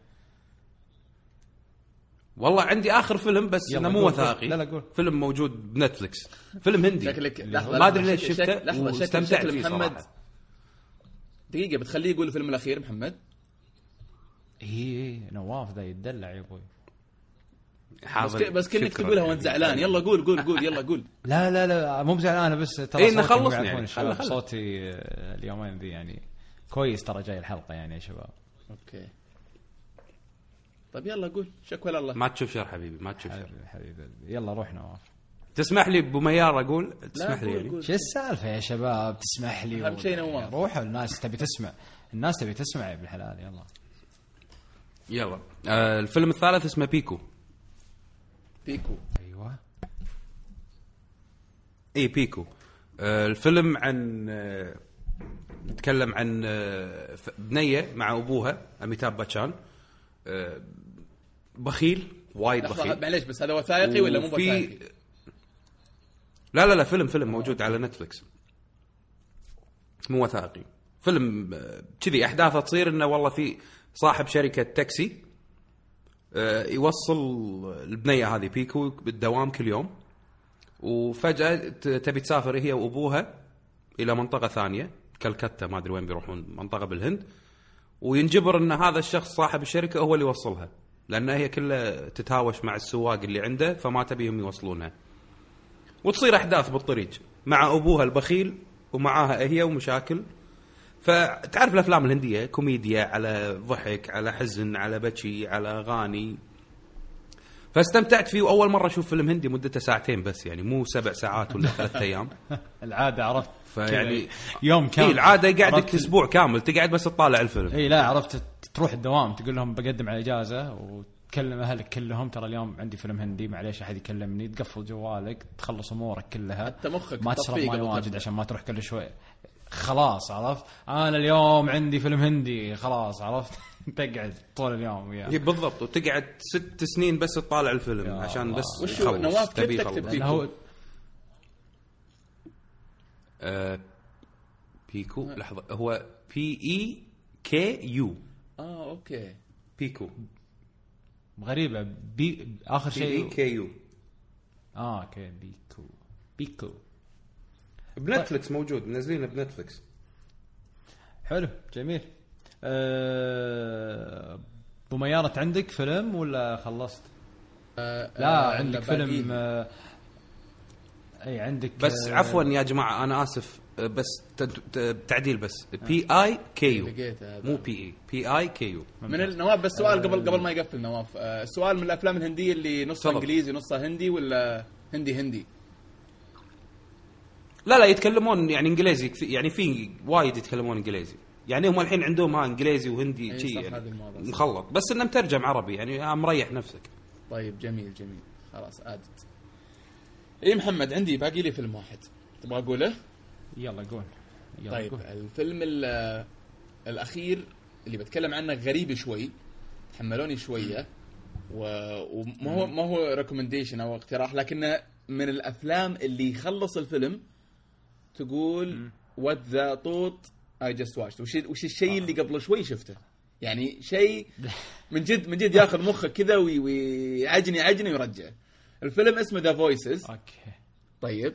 آه من من بطولة آه، رايان رينولد آه ما أدري وش الأفلام اللي كان فيها. يعني لو أتوقع أي واحد يشوفه بيعرفه لكن آه آه هو اللي في Deadpool طلع وفي The Proposal لو شفت The Proposal الزبده ان الفيلم قصته شوية غريبة مرعب هو. يعني رعب و crime وكوميدي فكرته إن آه، شخص يعني كويس nice آه، بس عنده جانب evil أو جانب آه، آه، وش يسمونه جانب آه، شيطاني ولا وحشي ولا. فكرته انه آه، ياخذ الناس زي الرهائن ويذبحهم طيب ورؤوسهم يحطها في ثلاجه ممتاز أو عنده في البيت. والروس هاي تتكلم معه. حلو؟ معي شباب ولا؟ يس يس يس. طيب ف وهذا هذا ال plot حق ال- حق الفيلم. يعني ما في ما في قصة واضحة أو ما في توجه واضح لكن الفيلم شوية لحسة. استهبال يعني. استهبال من جد استهبال. من جد تخلص الفيلم تقول أنا ليش؟ وش تفرجت عليه قبل شوي؟ آه تقييمه 6 ضيعت فاصل وقتي يعني. إيه، مو ضيعت وقتك يعني مرعب شوية يعني في متعة خفيفة متعة غريبة شوي. آه الفيلم لا ترقع الفيلم يعني يا. لا ما ارجع عشان لا عشان بقول لك. شوف الفيلم ماخذ طارت ساعتين منك فتقول والله يلا خلني ما أحس الفيلم ماخذ الساعتين طارت مني. 6.3 طيب اللي قبل شوي أنا قلت لكم كم ماخذ الكوميدي؟ آه، ماخذ 6.6 6.7 يعني قريب منه. على Rotten Tomato اللي هو تقييمه تقريبا أدق لأن من الناس أدق من IMDb ماخذ 72 72% ممتاز؟ يعني يعتبر فيلم مرة ممتاز على Rotten Tomato. فمقبول غريب شوية. إذا عندك كذا أبو ساعه ساعتين الا ثلث برضو نفس الأول فاضي كذا تبغى تشوف حاجة لحسة مخ تفرج عليه. وبتكرهني بعده ممكن. okay. طيب جميل. آه، إيش كنت بقول؟ والله أفلامنا ال- ال- ال- ال- الأسبوع ذا شاطحة شوي صح؟ يعني كل واحد كذا رايح من جد من جد والحلو إنه من كل مكان الحلو إنه جايبينهم. مو كلها جديدة يعني إيه. في أشياء قديمة وفي أشياء لخبطة و... اي اي yes yes yes لا أنا والله ترى أنا لا أفلامي هي كلها جديدة يعني كلها طازجة والفيلمين اللي الحين عندي نفس الشيء انت أنت تقليدي اول شيء أنا محمد. بسال تقليدي. أنا ونواف لا، ماني تقليدي، خف علينا يا ونفكر. soon. لا حول لا حول لا حول. خف علينا يا جد سون نفس الشيء كل. شيء ومبسوط بالسينما في البحرين وجايك بفيلم جديد كل أسبوع. لا حول ولا قوة إلا بالله. الرازق بالسماء والحاسد في جدة. المهم آه ديد بول شفت نواف؟ لا والله ودي للحين. للحين ودي أشوفه بس قاعد أفكر إن الأسبوع الجاي إذا رحت الإمارات راح أشوفه لأنه بالكويت ممنوع. تقل لا. والله. ليش وما ممنوع؟ أبي أنزله يعني. والله. يا أخي لحظة على طاري المنع. يا أنت من صدقك تبي هالفيلم هذا ينزل؟ يا. أخي تعال تعال. أنا أنا بناقشك أنا بناقشك. أو قبل أروح الفيلم كل الناس تقول لي محجوب وفي البحرين مقطع وبالإمارات بالكويت ما ينعرض وما أدري. إيه. قلت أنا شكل الفيلم يعني إباحي. أو إن الألفاظ اللي فيه يعني over رحت شفته ما عادي ما في شيء. يا- يعني جماعة، يا استغفر الله. جماعة. حتى ال... يعني لحظة لحظة يعني حتى الشتايم اللي فيه أنا حضرت أفلام بالسينما شتايم فيها يعني أقوى من كذا بمليون مرة يعني عرفت؟ ولا في مشاهد إباحية ولا في يعني ظاهر في مشهد حتى مو بإباحي ربع إباحي و... وطايحين لك الحين بحركة جديدة بعد السينمات. ما يقطع الفيلم. آه، أسود. اللي هو يسمونه ال cut لا اللي يسمونه ال cut zoom أو شيء زي كذا. اللي هو يقعد مثلا والله على سبيل المثال مثلا رجال ولا بنت مثلا عريانة كذا ما يقطع المشهد عليك يقرب الشاشة. لين على الوجه عرفت؟ تتبكسل الشاشة كلها تصير بكسل تشك بنظارتك اللي لابسها. عرفت؟ فالفيلم تشوفه يمشي عادي طبيعي وتسمع الحوارات والترجمة موجودة بس إيش؟ المشهد كذا crop على الوجه عرفت؟ ولا على مشهد كذا ثاني ما له شغل بال- بالجسم أو شيء زي كذا. أي فيلم باتمان بالكويت مسوينه كذي yes بالضبط. حتى يعني ما نقطع لك إياه بس أسوي لك إياه بالضبط. ما طايحين بذا الحركة. المهم okay يمكن تراها أهون من القطع الكامل يعني عرفت؟ يعني على قولتهم أحسن السيء. يكفي إن الحوار على الأقل موجود. أه طيب أه أنتم أبو ميار ما بس شفتوا دقيقة. صح؟ والله محمد، بس محمد دقيقة. بس أنت. قلت خل أنت لحظة. قول قول نواف أي قول. لا لا خلي يرد على لا سؤالك لا أنا أقول action؟ و adventure comedy ما أتوقع الحجب عشان الألفاظ ولا عشان المقاطع يعني في الكويت لو بيحجبونه عشان ما في شيء- المقاطع ما في شيء غيره، ما في. شيء. ما في شيء ديني مثلا لا دخل okay بالدين okay شيء لا دخل بال... لا لا لا لا لا شوف أنا بقول لك يا للألفاظ أو للمشهد الربع إباحي هذا أو عاد اللي بيسوون لي فيها الحين حنا اللي ما أدري إيش اللي هو سالفة ال- ال- الدموية الزايدة اللي فيه. في دموية زايدة. يعني أقصد طريقة القتل والتقطع وذا استهبال مرة استهبال. والمشكلة إنه هذا الفيلم طيب هو كذا أصلا يعني. تدري وش؟ المضحك؟ ممكن. المضحك إن ممكن. البطل حقه هو الغريب اللي قطع الناس يحطهم في الثلاجات اللي قبل شوي. فنفس شكل الممثل هو عنده مشكلة شخصية نفسية. آه okay حق The Voices أحسبك تحرق شيء. لا لا لا, okay، لا تكلمت عن. فيلم لا تخاف والله شوف طيب، آه، خل- خل- محمد أنا لأن أنا للحين أنا للحين ما شفت الفيلم عشان أقدر أحكم عليه إنه ليش وقفوه وليش كذي بس أي- إذا- آه، شفته، أنا بالنسبة لي لي. يعني شوف مثلا قبل أنا قبل كنت أروح مع ربعي قبل لا أتزوج فالوضع بالنسبة لي كان يا أخي ليش يقطعون الفيلم؟ ليش يسوون كذي؟ يا قاعد يخربون الفيلم. بس بعدين لما قمت أروح ال- السينما مع زوجتي لا ترى الوضع يختلف تماما لما تروح مع ربعك. تماما يختلف. في كلمات انت تتقبلها مثلا بس ما تتقبل إن والله انت وزوجتك قاعدين تشوفونها. يعني بالنهاية إحنا مجتمعاتنا تختلف عن حياتهم. عندي مشكلة أنا ما عندي مشكلة. عايشين. ما عندي مشكلة أنا فال... في ممكن الكلمات في بعض الأشياء اقطعها، اقطعها. أنت شخصيا اقطعها. أنا عن نفسي أنا طوفها. اقطعها نواف لا تترجم شوف ال- الشتيمة اللي تحس إنها زايدة وما ترجمة. لا لا محمد خليني أقول لك محمد مو قصة ترجمة. إذا كانت بالحوار إذا كنت أنا قاعد أكلمك أقول لك ود الطب. خلاص اختربت. القطه اختربت الضحكه اختربت إيه بس ما تحرمني. من الفيلم كامل عشانه أوكي خرب علي تجربة الفيلم ما عندي مشكلة بس لا تحرمني عاد من الفيلم كامل لا تحرمني لا. لا أحرمك لأن لا لا شوف سالفة تقول لي لا تحرمني ما هذه okay. إذا نتك... إذا نتكلم. عن لا okay عندك نتكلم عن Deadpool ما في عندك بينزل بال iTunes شخصياً- عندك بينزل بال DVD عندك بلوراي عندك بال torrent بكل مكان موجود يا بس آه، بينزل بعد عندك ال- Showtime بينزل معك بعد. ثلاثة شهور يعني راح تشوفه راح تشوفه ما عندي بس مشكلة مو معناته إن أنا منعته من السينما معناته إن أنا خلاص منعتك تشوفه بحياتك. لا يا نواف نواف اسمعني. لأن كل مكان له جوه. طب اسمعني نواف اسمعني اسمعني. شوف حبيبي أنا ضد سياسة حجب أو منع أي شيء يخص الترفيه لأن بالنهاية هذا الشيء اللي ما يناسبك يناسب غيرك. فمثلا اذا انت تقول والله أنا كنت مع ربعي عادي ومع زوجتي لا اذا انت تعرف نفسك انت الفيلم هذا ما يناسبك انك تروح تشوفه مع زوجتك انتهى الموضوع لا بس في محمد لا تعطيني س... دقيقه دقيقه دقيقه لا طيب بس دقيقة محمد طيب محمد لا لا محمد اكمل وجهه نظري الله طيب الله يخليك بس خليني أقول لك شغله اكمل وجهه نظري اكمل وجهه نظري وبعدين لا لا راح تكمل والله راح لا لا لا والله راح أقول جواب لا لا لا لا لا لا لا أقول جواب كامل بعدين رد علي اسمعني okay قول قول هذا واحد اثنين حط لي تحذير قول لي إيش السنة اللي يناسب الفيلم وحط لي تحذير على الألفاظ. قول لي والله الفيلم يحتوي على ألفاظ غير مناسبة لأصحاب الذوق ولا لأصحاب الذوق أو أو مو هي مناسبة للذوق العام عفوا مو لأصحاب الذوق. طيب حط لي التحذيرات هذه نبهني قول لي واحد اثنين ثلاثة وأدخل. هذا دقيقة هذا هذا اثنين. ثلاثة إذا بنتكلم عن ديدبول شخصيا الفيلم ما فيه الشيء اللي يسوى إنك تمنع الفيلم ما في للأمانة أنا شفته وحضرت يعني واسمعه بالإنجليزي وأسمع الترجمة وأقرأ الترجمة اللي موجودة.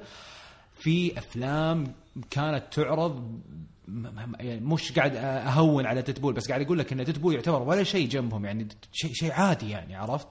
الشتايم اللي فيه عادية هو الممثل لسانه مفروض طبعا هو طبعا أنا بقول لك أنا كنت بقول من الإيجابيات أصلا للفيلم إنه المخرج اللي هو تيم آه، ميلر الظاهر آه، أعطى صلاحيات للممثلين إنهم يقطون نكت ويطقطقون ويذبون من عندهم برا برا السكريبت أو برا الحوار حقهم يعني عرفت؟ وهذا على فكرة اللي عطى الطابع وهذا اللي خلى الفيلم يضرب القطات والإضافات اللي من الممثلين العفوية ذي نقزت الفيلم بشكل جدا كبير. فأنا ضد المنع أنا عطني الفيلم وحط وحط تحذيراته وأمنع سن معين إنه يدخله وخلي الباقي للناس. إن شاء الله ولا أحد يحضر فيه.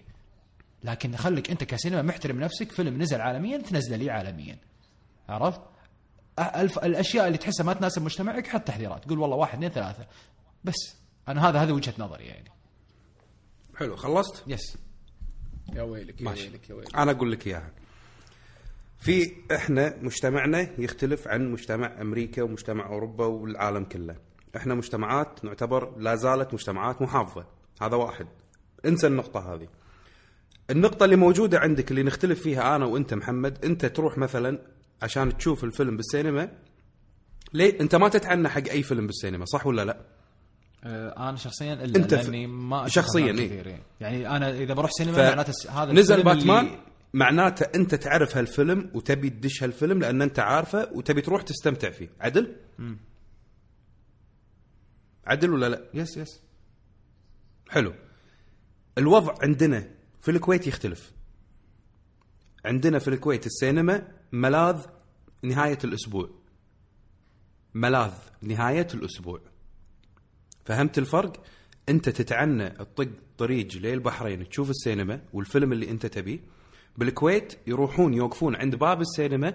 لو سمحت شنو فيلم الساعة 9 آه في عندنا فيلم باتمان. آه أبي ثلاث تذاكر ويدخل الفيلم. بالضبط هذا اللي يصير عندنا بالكويت. طيب ثلاث. ما قلت الكل إلى الآن ما عرفني ولكن يعني. لا لا هي مو قصة معارضة قصة إن هذا داخل فيلم وهو مو فاهم الفيلم هذا شنو. طيب حلو. هو ما يدري أصلا ما شنو الفيلم مشكلة هذا ما حلو؟ عندي مشكلة. صارت وهو يقطع ال ticket نكمل خلنا نكمل okay okay. أنا خليتك تتكلم يلا، خليك أنا كمل خليتك بس. تكمل خليني يلا. يلا ما يخالف ما يخالف ما يخالف.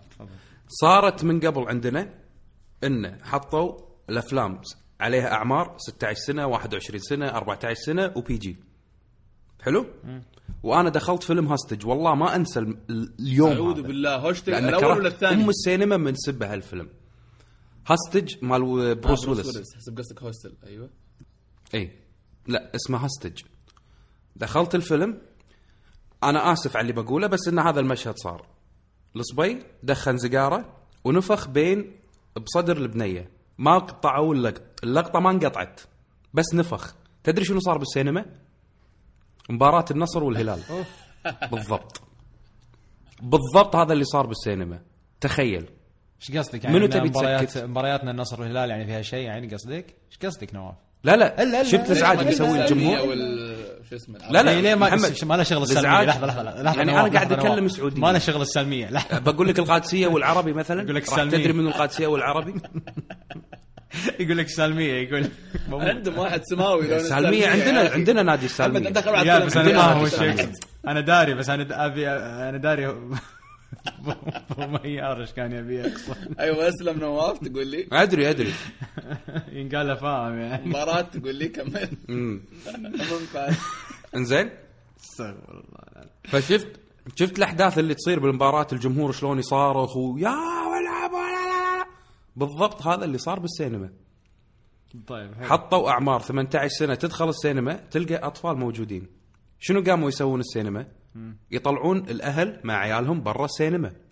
لو سمحت الفيلم هذا حق كبار الأطفال يطلعون برا وهذه فلوس تذاكرك واطلع برا.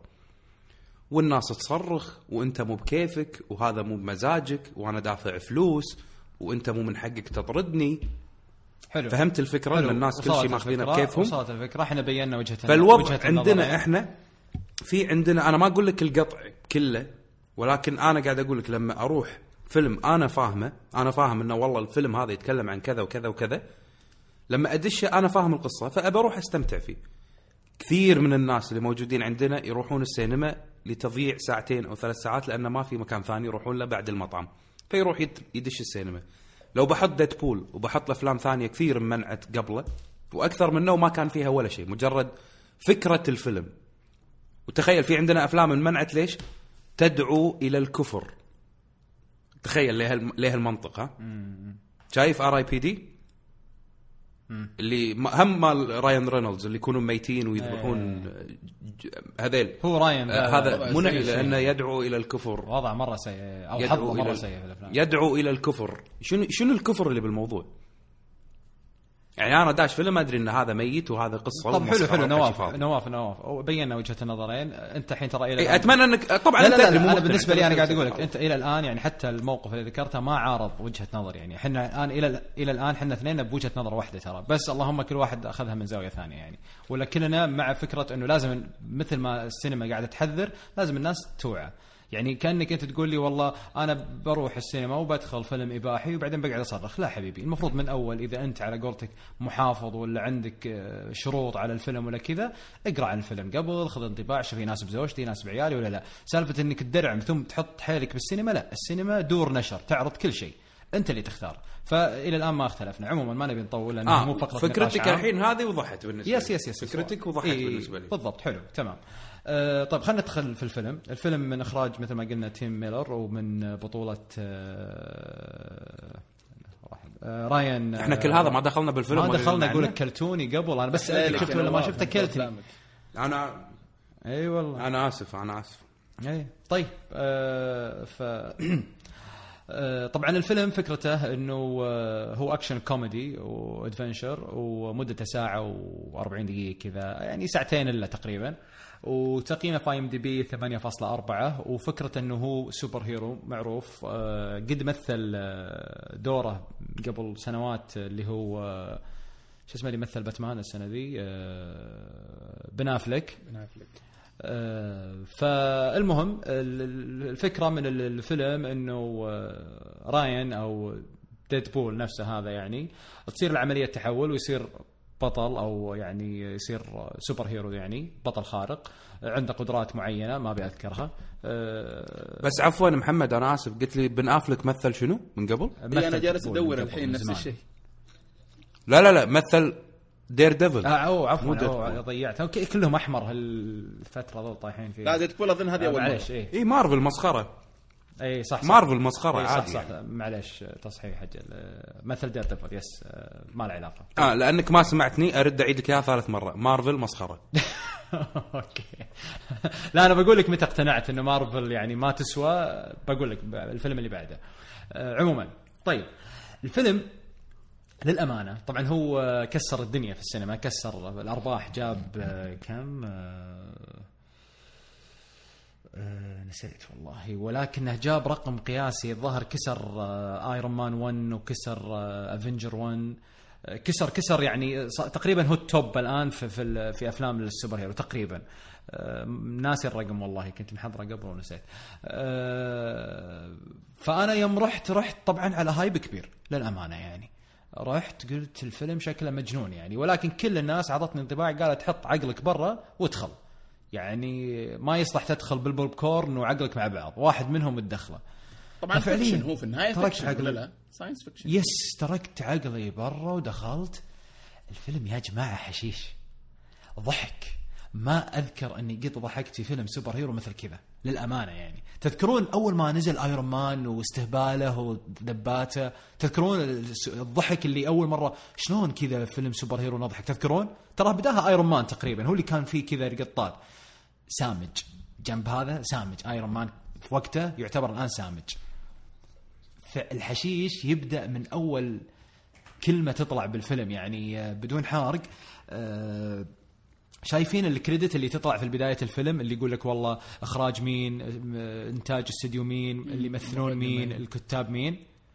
إيه جايبينها بطريقة كوميدية رهيبة. طبعا واقعية فعلا حشيش- يعني. حشيش. حشيش. شيء استهبال يعني. على سبيل المثال ال- الاستوديو ال- أو المنتج اللي قايمين بال- بالفيلم ما توقعوا طبعا النجاح هذا. نهائيا ما توقعوا النجاح. فأصلا ما صرفوا عليه ميزانية. يعني لو تلاحظون ترى حتى دعايات ما سووا له دعايات. ما في ما في عليه hype الفيلم أصلا. ال hype من الناس اللي شافته وتفاجأت من من المنتج النهائي. فكان كاتب فكانوا كاتبين آه، آه، الفيلم من إنتاج ناس مفلسة وما عنده فلوس بعدين حاطين الاسم. عرفت؟ ال- ال- الإخراج من واحد متفلسف وينقال لك مسوي إني أعرف أخرج فلان الفلاني. كذا كلها كذا عرفت التعبيرات. ال- الممثل واحد عاطل له كم كم سنة ما مثل وترجاهم إنه ياخذ الدور وقبلوا فيه فلان الفلاني. كذا عرفت؟ بالطريقة ذي. شيء شيء شيء حشيش استهبال استهبال. آه، فالمهم ويبدأ الفيلم. يعني الفيلم مثل ما قلت لك سوبر هيرو. آه، إذا تبي تروحه كواحد والله تبي تروحه مثلا أنت وزوجتك ولا أنت وحبيبتك مثلا يعني المهم لا إحنا ما نأيد أنت وحبيبتك أنت وزوجتك. آه، تروح وتبي تشوف قصة حب. شوف قمت قمت ما تعرف تسولف أشوف. ما أدري والله. شفت يا نواف، يسمونها متفاجئ. جدا متفاجئ. لا لحس مخك ت- الفيلم. ش- لا والله ما إيش شفت. كنت بقول؟ أنا تد- تد- تدودهت تدودهت.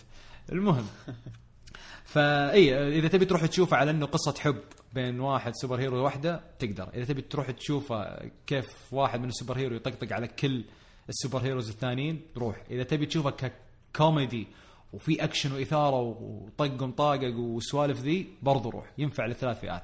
طبعا ديدبول اللي ما يعرف هو أحد آه، أحد الأبطال اللي في عالم X-Men أصلا. هو هو تبع سلسلة X-Men فراح تشوف شو اسمه ذاك الرجل الفولاذي وبعض الشخصيات الثانية خاصة ب X-Men وفي طقطقة كبيرة على X-Men بشكل رهيب مرة. يعني فعليا لما يطقطق على X-Men تضحك لدرجة إنك تحس X-Men وربعه خرابيط عرفت؟ يعني صفر على الشمال. أكثر من كل الناس معتبرتهم صفر على الشمال. يعني أكثر من كذا. فيا الفيلم مثل ما قلت لك كوميدي كوميدي حتى بالاشياء الجدية كوميدي ما قاعد ياخذ أي شيء جدي. فإذا تبدأ بتاخذ شيء جدي ولا بتقول والله لا كيف كذا؟ لا كيف صار كذا؟ لا مو معقولة كذا؟ أنت خربت على نفسك التجربة. فيلم حشيش ذبات طبعا مثل ما ذكرت سابقا المخرج أعطى الصلاحية الكاملة لكل الممثلين قولوا اللي تبون.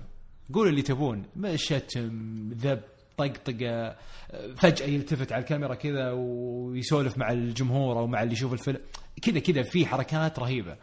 طبعا وبالنسبة للجرافيكس والسوالف هذه والرسم يعني في تدري الخدع البصرية وهذه ضابطينها بشكل مرة ممتاز مرة مرة ممتاز. أفضل من أفلام Avenger اللي قبل وغيرها يعني.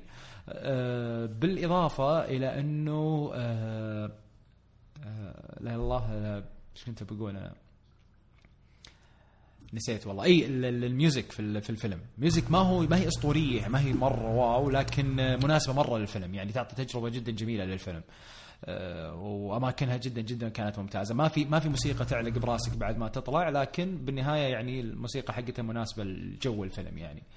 آه، فيا هذا انطباع يعني بشكل عام ما أقدر أتكلم عن الفيلم أكثر لأن القصة يعني ما هي سطحية بس يعني بسرعة تفهمها. آه، الجميل بعد إنهم يعني آه، يعطونك تاريخ كيف كيف هذا صار تدبول وإيش قدراته وكيف صار كذا آه، بشكل جدا سريع. اي تذكرت على هذا الطاري آه، هذا اللي كنت بقوله تسلسل الأحداث والانتقال فيما بينها طبعا هو صاير على الطريقة الروائية اللي هو يعني كأنه البطل يروي السالفة. جدا متقنة للأمانة. يعني تذكرون أغلب المشاكل اللي إحنا نواجهها مع مع مع أفلام ال superheroes إنه إيش؟ إنه اللي يدخل وفيلم مثلا في جزء رابع ولا خامس ولا remake للفيلم بعد كم سنة تحسه يلحس عرفت؟ شايف Star Wars اللي يقول لك لا لازم تروح تشوف السلاسل اللي قبل. باتمان لا لازم تصير قاري ال comic. هذا لا. سرد لك ديدبول شلون صار كذا من أول بشكل سريع وبدقائق سريعة. بس إيش؟ أنا الحين أقول لك أنا خبرة ديدبول أفهم تاريخه كامل. للأمانة. خلاص تعرف كل القصة سريع سريع. طيب. فهذا كان شيء جدا ممتاز. والانتقال ما بين الماضي والح... والحاضر مرة مضبوط. يعني ما تحس إنك تتخربط تقول لحظة إحنا الحين ولا بعدين ولا أمس ولا اليوم؟ لا مرتبة مرتبة بشكل ممتاز. عرفت؟ فيا وال slow motion في حركات slow motion رهيبة. يعني تذكرون إحنا slow motion القديم؟ زهقنا منه النظام اللي تطير الطيارة ويسوي slow motion ولا يضرب بالسيف ويصير slow motion لا الفيلم هنا موظف slow motion بطريقة جديدة مرة وممتعة يعني جدا. طيب هل آه، تتوقع آه،؟ اي كنت بسألك اذا تتوقع إن آه، شيء راح يستمر بعدين؟ بنشوف منه أجزاء مرة كثيرة وبيكملون عليه ولا هي بس ضربة واحدة إيه وخلاص؟ هذه هذه ذكرتني فيها. آه، أنا كنت رايح شايفه مع الشباب آه، بودكاست كشكول والشباب مجموعة طيبة يعني. فكانوا يقولون لي آه، شباب لا تطلعوا بعضهم. كان يقول لا تطلعوا من الفيلم. ترى الشباب اللي شافوه قبلنا يقولون في مشهد أخير. طيب. ف قلنا okay بننتظر. طبعا أنت العادة ما أدري نواف أنت خبرة بعد في السينما تعرف. دائما المشاهد الثانية يعني المشاهد اللي ما بعد الفيلم متى تطلع؟ مو في دائما في كل الأفلام two credit ال credit اللي فيه animation ورسم وألوان اللي تنعرض فيه الأسامي البارزة. وبعدين يجي المشهد هذا الإضافي بعدين يبدأ يطلع ال credit الأسود وابيض صح؟ كل الافلام كذا. إيه ما عدا مارفل. لا يعني حتى مارفل قبل ترى Avengers وكذا كلهم كانوا كذا. يعني آه، أذكر أنا Avengers و Iron Man وغيرهم كذا يطلع ال credit اللي فيه animation والد- والدروع والأسلحة وكذا وفي موسيقى مختلفة. بعدين يجي الفيلم آه، المشهد عفوا الإضافي بعدين كذا يطلع ال credit الأسود هذا اللي نعرفه. فعلى طول شفنا آه، جاء ال animation هذا نفس الفكرة نفس الطريقة حقت مارفل وبعدين طلع ال credit الأسود إنه خلاص قوموا يعني. طيب وفعليا كلها صار فضت يعني. آه، إلا بعض الشباب أصروا إنهم يقعدون. أنا صراحة من الناس اللي طلعت وفي كثير مني يعني من الشباب طلعوا يعني خلاص فقدوا الأمل. آه، فالمهم انه في اثنين ثلاثة من الشباب أصروا إنهم يقعدون وفعلا صار في مشهد بالأخير مرة تحشيشي. يعني أنا ما شفته بس شرحوا لنا يا الشباب فهذا المشهد اللي بالاخير قد إنه يجاوبك يا أبو ميار على سؤالك. يعني أنا ما أدري إذا في أجزاء أو ما في لكن ال- ال- ال- يعني المشهد اللي في النهاية يجاوبك على سؤالك هذا. طيب okay. نطلع على الخاص بعد شوية ممتاز. الحين الحين الحين خليني أقول لك شغلة أنا. أنا مو شايف الفيلم. بس مساعد أنت ذكرتني بشغلة. شايفين فيلم X-Men مو X-Men Wolverine yes الجزء الأول. ما شفت. أول جزء. تذكر لما فوق كان قاعد يتهاوش مع اخوه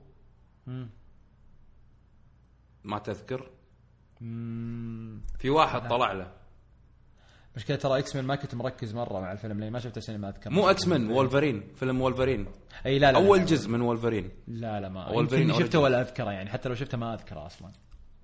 المهم لما إذا رديت بالفيلم هذاك وشفته آخر شيء يطلع Deadpool والله. وهني بلشت سالفة ها Deadpool بيسوون له فيلم بيحطونه big لا لا ونفس الممثل ريان هذا في Avengers قلت ولا وين؟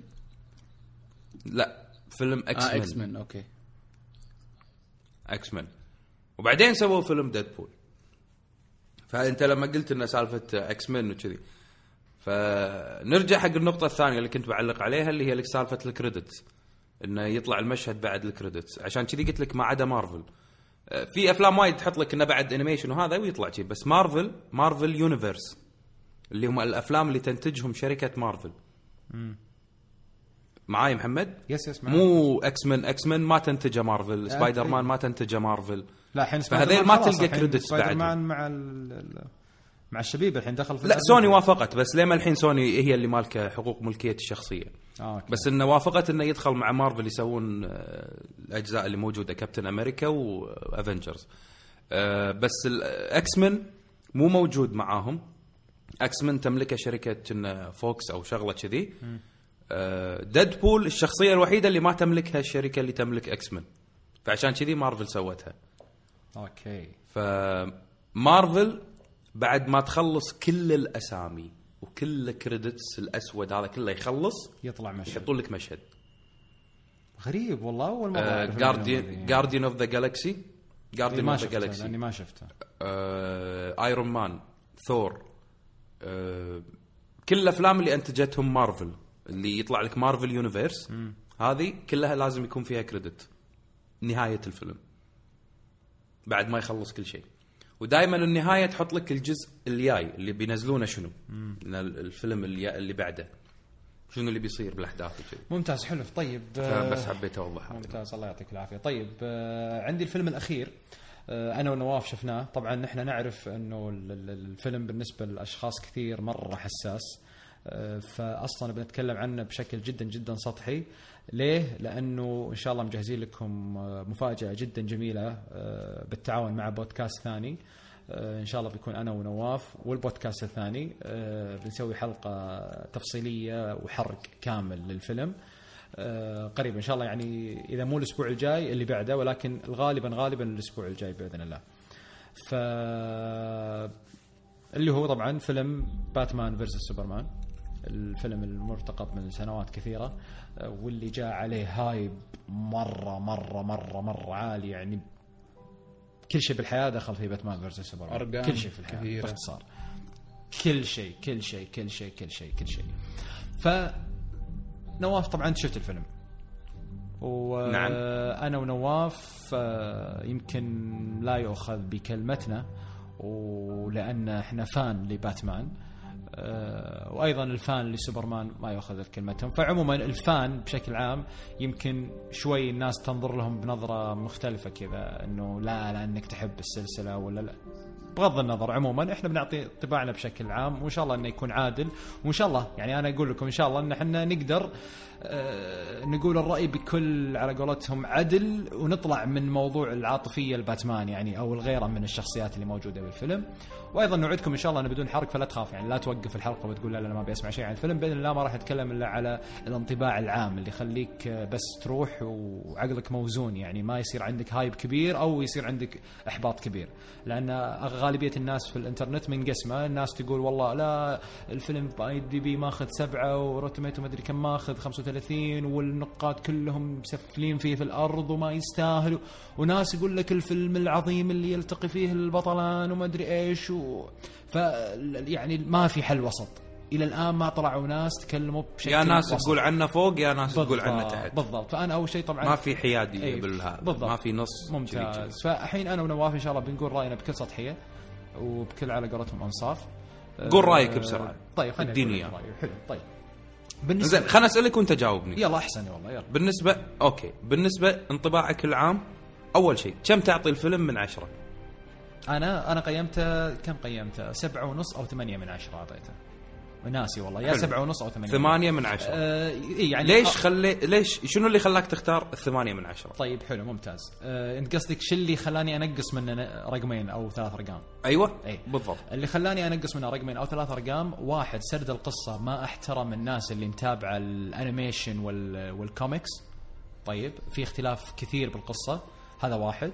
آه اثنين ال ال ال عنوان الفيلم وكيف تسوق الفيلم واسم الفيلم يعطي انطباع عن شيء واللي شفناه بالفيلم ما أشبع الشيء هذا أو تطرق الموضوع ثاني وشطح شوي.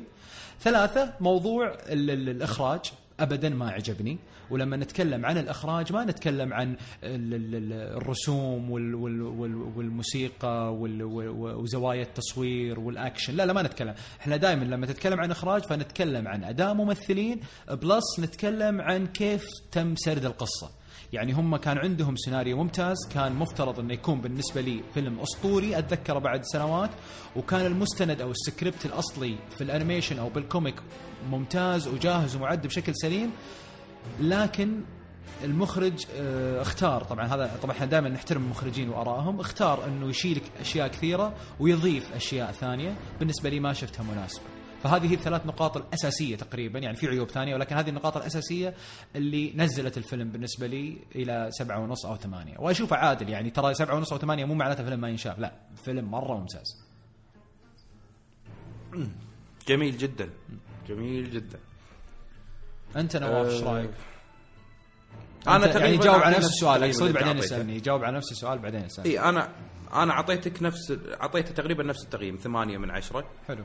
أه ترى غالبية الناس اللي شافته. يعني اجتمعت على الرقم ذا ترى يعني حتى بال IMDb ماخذ تقريباً، سبعة يعني فاصلة إنه- ونص يعني سبعة ونص إي يعني بالنهاية فيلم superhero ما راح تعطيه مليون على عشرة يعني إحنا ممكن نعطيه لأن نحب الشخصية yes. ونحب كذي بس مثل اللي صار مع Star Wars وغيرها يعني. كت... بشكل عام كتمثيل وأداء بشكل عام ما ما نقدر نعطيها ال full mark بالنسبة لي أنا في شخصية ما حبيت التمثيل ماله. كان بالنسبة لي أنا شخصيا كان over وايد قاعد يبالغ بالأداء. اللي هو آه شخصية لكس لوثر. لوثر بالضبط. سبحان الله. شوف أغلب الناس ترى مجتمع على نقاط أساسية فعلا. لوثر يعني أنا خليني. أقول لك وجهة نظري في لوثر. آه الشخصية بال بال comic آه ما أدري إذا نواف إذا أنت مطلع على ال comic أو لا آه مرة شخصية ممتازة ويجي عليها أداء رهيب يعني.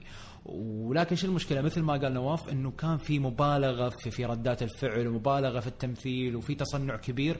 وأيضا يعني تذكرون ال- ال- ال- أبو ميار تذكر ال- ال- ال- ال- الجوكر اللي كان موجود في في, في, في ثلاثية نولان اللي ظهر.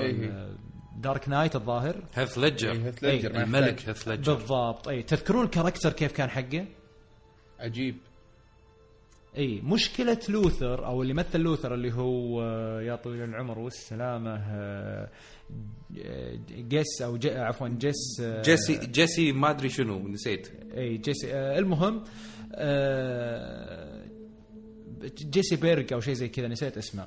هو اللي مثل شخصية ليكس لوثر. المشكلة إنه حاول إنه يقول لنا ترى أنا أحسن من الممثل هذاك. عرفت؟ يعني قاعد يقلد. لا، لا، لا، أختلف دقيقة، خليني. خليني أقول لك خليني أقول لك خليني أقول لك شلون يعني. مو مو مو مو بحرفيا. أنا أقصد إنه يعطيك انطباع اللي هو أنا جوكر ماني بلوثر. عرفت؟ يعني يعطيك كذا الضحكات والحركات والنكت والاستهبال والعباطة. ال- ال- ال- ال character نفسه ما قاعد يعطيني لوثر اللي أنا أعرفه بالقصص وفي ال animation وبالأنمي أو عفوا يعني في باتمان versus سوبرمان النسخه ال- نسخة الرسوم يعني عرفت؟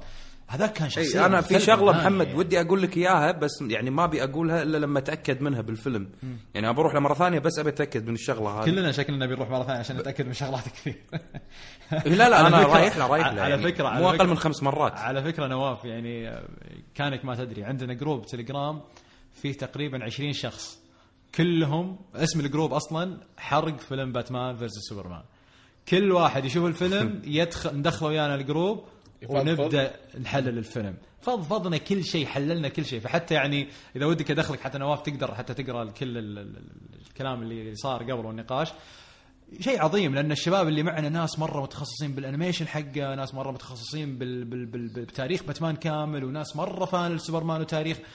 فكان في تحليل وحرق جدا رائع لدرجة انه كل واحد منا انصدم من شغلة ما انتبه لها. عرفتوا؟ كل واحد فينا كذا تفاجئ قال أما صار كذا والله صار كذا يحتاج نروح نشوفه مرة ثانية. فكان ال group. مرة شعل أقول آه، لوثر بس ما- عشان كذي يعني اللي لوثر آه، في scenes محذوفة أنا قرأت عنها في آه، mail في ال Daily Mail Online آه، في article تقول ان حاذفين scenes scenes؟ حد عنده فكرة؟ إيه في scene حذفوه. لا. لا طال عمرك ال- الفيلم المفروض إنه يكون مدته ثلاث ساعات. اللي انعرض بالسينما ساعتين اللي انعرض بالسينما ساعتين ونص. yes. أوه يعني نص ساعة. طاير 150 دقيقة. 150 دقيقة. في نص ساعة مش وعلى فكرة في cat zoom. فيقولون؟ في cat zoom إيه هذا عادي مو مهم. المهم يقولون في نسخة ال ultimate ال Blu-ray راح ينزل النص ساعة المحذوفة. آه. فهني ممكن نفهم أحداث أكثر بالفيلم. شنو اللي صار بالفيلم؟ ما, أتوقع إنه نص ساعة بتسوي شغل لأن في في أخطاء كثيرة بالنسبة لسرد القصة. هي إذا بناخذ سرد القصة إحنا ما نبي نحرق طبعا على الناس. لا بالنهاية بالنهاية محمد شوف أنا ليش هم بعد أقول لك أعطيته ثمانية؟ غير الشخصية هذه وبعض الأشياء اللي صارت من المخرج. أه ما حبيت فكرة إن الفيلم ما ركز على الفيلم. يا نفس نفس لما قلت إن. الاسم إي بالضبط غير كذا في نقطة ثانية أيضا آه لا آه، بس خليني أكمل لك آه، نقطتي. أنا اللي يعني ال- إن الفيلم ركز على الأفلام اللي بتنزلها DC هو بوابة ما هو ركز على بوابة فيلم إيه. باتمان. إيه هو بوابة أيوه بالضبط إنه. خل خلى الأسامي هذه باتمان وسوبرمان بفيلم واحد وقوة وغيره واحدة من الشخصيات اللي ما نبي نعلن عنها اللي طلعت بالفيلم بعد لا لا إحنا داشين نبي نتمتع بهالشخصيتين وشنو بيصير بينهم بالأحداث تفاجأت إن الفيلم قاعد يتكلم عن شنو الب... هذا بوابة حق اللي إحنا بنسويه كشركة دي سي. العالم اللي بنصنع أحداث. أيوه اللي بيسوونها خلال الخمس سنين أو العشر سنوات ال- الجاية لزق كذي على طول حطيناها بالفيلم. طق طق طق طق يلا شوفوا إحنا ترى بنسوي كذا. هني لا خلني أتمتع. خلني أقول لك خلني أقول لك بعد. خلني أقول لك بعد شيء. تذكرت آه، واحد من الشباب اللي كان حاضر معنا كان حاضر ومعاه آه، طفله الصغير. عمره عشر سنوات تقريبا أو تسع سنوات تقريبا صغير. لكنه مرة فان ال- ال- ال- الباتمان يعني طيب. فسأله أبوه بعد الفيلم قال له ها شو انطباعك يعني عن الفيلم؟ فتخيل إيش قال. والله يعني اختصر اختصر الفيلم بجملة واحدة يعني ذكية مرة الجملة للأمانة. قال اللي أنا أخذته من الفيلم إنه إنه باتمان غبي وسوبرمان مسكين. والله يعني علقت براسي الجملة قعدت أكررها. قال يا بابا اكتشفت إنه باتمان غبي وسوبرمان مسكين. وطبعا إذا شفتوا الفيلم تعرفون ليش باتمان غبي وليش سوبرمان مسكين. طيب غير كذا ما في في شغلات نواف ما أدري إذا توافقني ولا لا بالنسبة لسوبرمان أه، أحسه ما طلع من دائره البطل الأمريكي اللي بك عنده كلاسيكيات أمريكية مثل لما يجي مثلا بيروح يحارب ولا بيروح يسوي شيء أه، يروح يكلم خويته وإنه I love you ويعطيها بوسة والوداع يعني أحس تجاوزنا المرحلة هذه يعني عرفت؟ ما أدري حسيت في استرخاص لبعض المواقف اللي مثل كذا مع سوبر مع سوبرمان تحديدا يعني فايش رأيك والله؟ محمد ما ما, ما أقدر ما أقدر أتكلم لأن لازم تحرق الفيلم عشان تتكلم طيب خلاص أجل خلنا خلاص أجلوها يعني أجلوها للحلقة. يعني بشخصية بشخصية سوبرمان أصلا شخصية سوبرمان إن لوس لين هي اللي مخليته متحمل الكوكب. ترى. إحنا ما ذكرنا ما ذكرنا ال- ال- الممثلين. طبعا اللي مثل باتمان أول مرة اللي هو بن أفليك وللأمانة نساني كريستيان بيل. بغض النظر عن ثلاثية نولان العظيمة بن أفليك بالنسبة لي هو باتمان اللي فعلا يناسب باتمان بالنسبة لي أشوفه.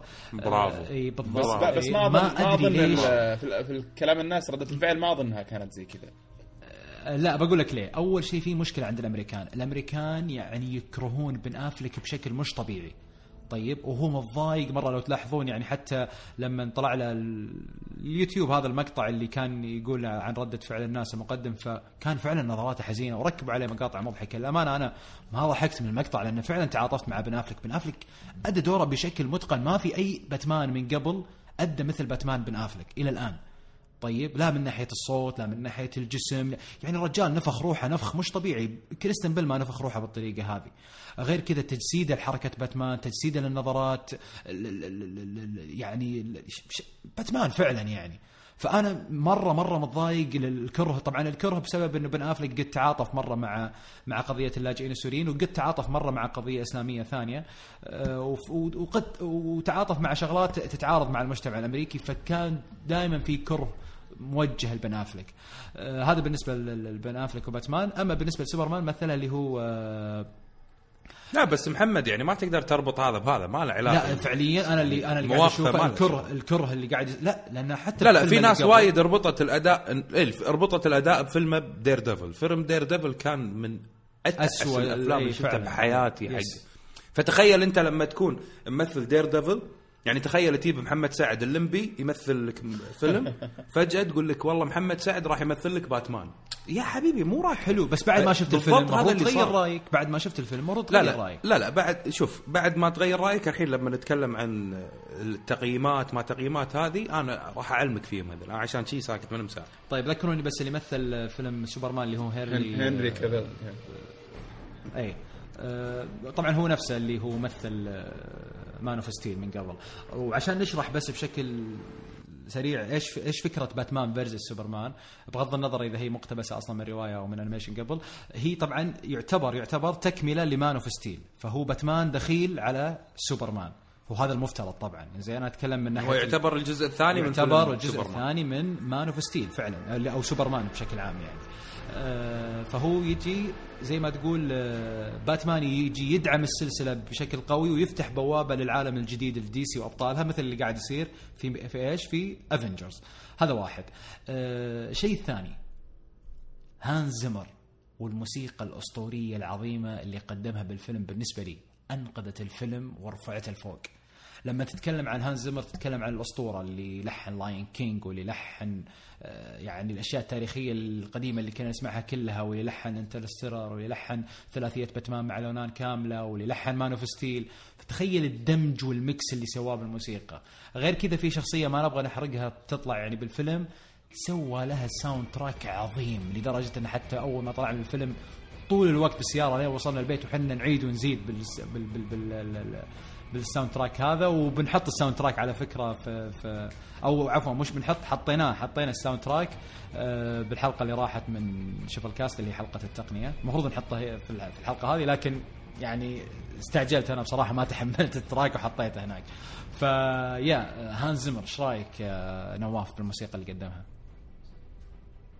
لا لا البني آدم هذا ما اسطورة مش ما ما, ما أتكلم عنه yes. ما خلاص بس. طيب، يعني طلع- لما بس تشوف فيلم هانز زمر مسوي soundtrack خلاص يشيل لا. الفيلم ها؟ انتهى الموضوع أنت. مرة مبسوط على الف... على الشيء هذا صح نواف؟ لا لا يعني أنا كل مرة أدش الفيلم يعني أدش أفلام نادر ما الموسيقى التصويرية اللي بالفيلم تشدني أو ان أركز فيها إلا إذا صار. فيها هانز هذا ما يط... ما أدري يوديك مكان ثاني أصلا حلو طيب. غصبا عليك تسمع الموسيقى. أي فعلا فعلا عليك. لدرجة أن أنا يعني يمكن ال- ال- ال- ال- ال- الملحن الوحيد اللي آخذ بعد ما اطلع من الفيلم آخذ ال- ال- السيدي الأصلي أو حتى لو كان في نسخة edition خاصة يعني آخذها اللي هي إذا صارت من آه، هانز زمر ال- ال- ال- الخبر المحزن يا نواف إنه آه، على كلام الأخبار والتقارير اللي طلعت والتصريحات اللي شبه مؤكدة يعني من مقربين هانز زمر إنه باتمان versus سوبرمان هو آخر فيلم راح يشتغل عليه هانز زمر لا راح يردونه راح يردونه. والله يعني ما ما تخلي ما تخلي أسطورة كذي. شيء شيء ضيق الصدر للأمانة مره مره مرة ضاق صدري. طبعا ضاق صدري ليه؟ ضاق صدري على كمية الأفلام اللي أنا مترقبها وأنتظر بصمة هانز زمر فيها. عارف؟ لا ما يخلونه ما أتوقع يعني ما تخ... ما أتمنى أتمنى. صح، صعب، والله. شيء يعور ما- القلب. ما- ما راح يعني. لما يقول لك كذا كأنه يقول لك هانز زمر توفى يعني فعليا يعني توازي الصدمة هذه. يعني لا ما أتوقع ما أتوقع. نتمنى نتمنى نتمنى نتمنى طيب ممتاز. أه، أتوقع كذا انطباع بشكل عام ما ودنا نتدخل بس بالعميق في خبر حلو. كانك ما أساس تتم خبر سيء.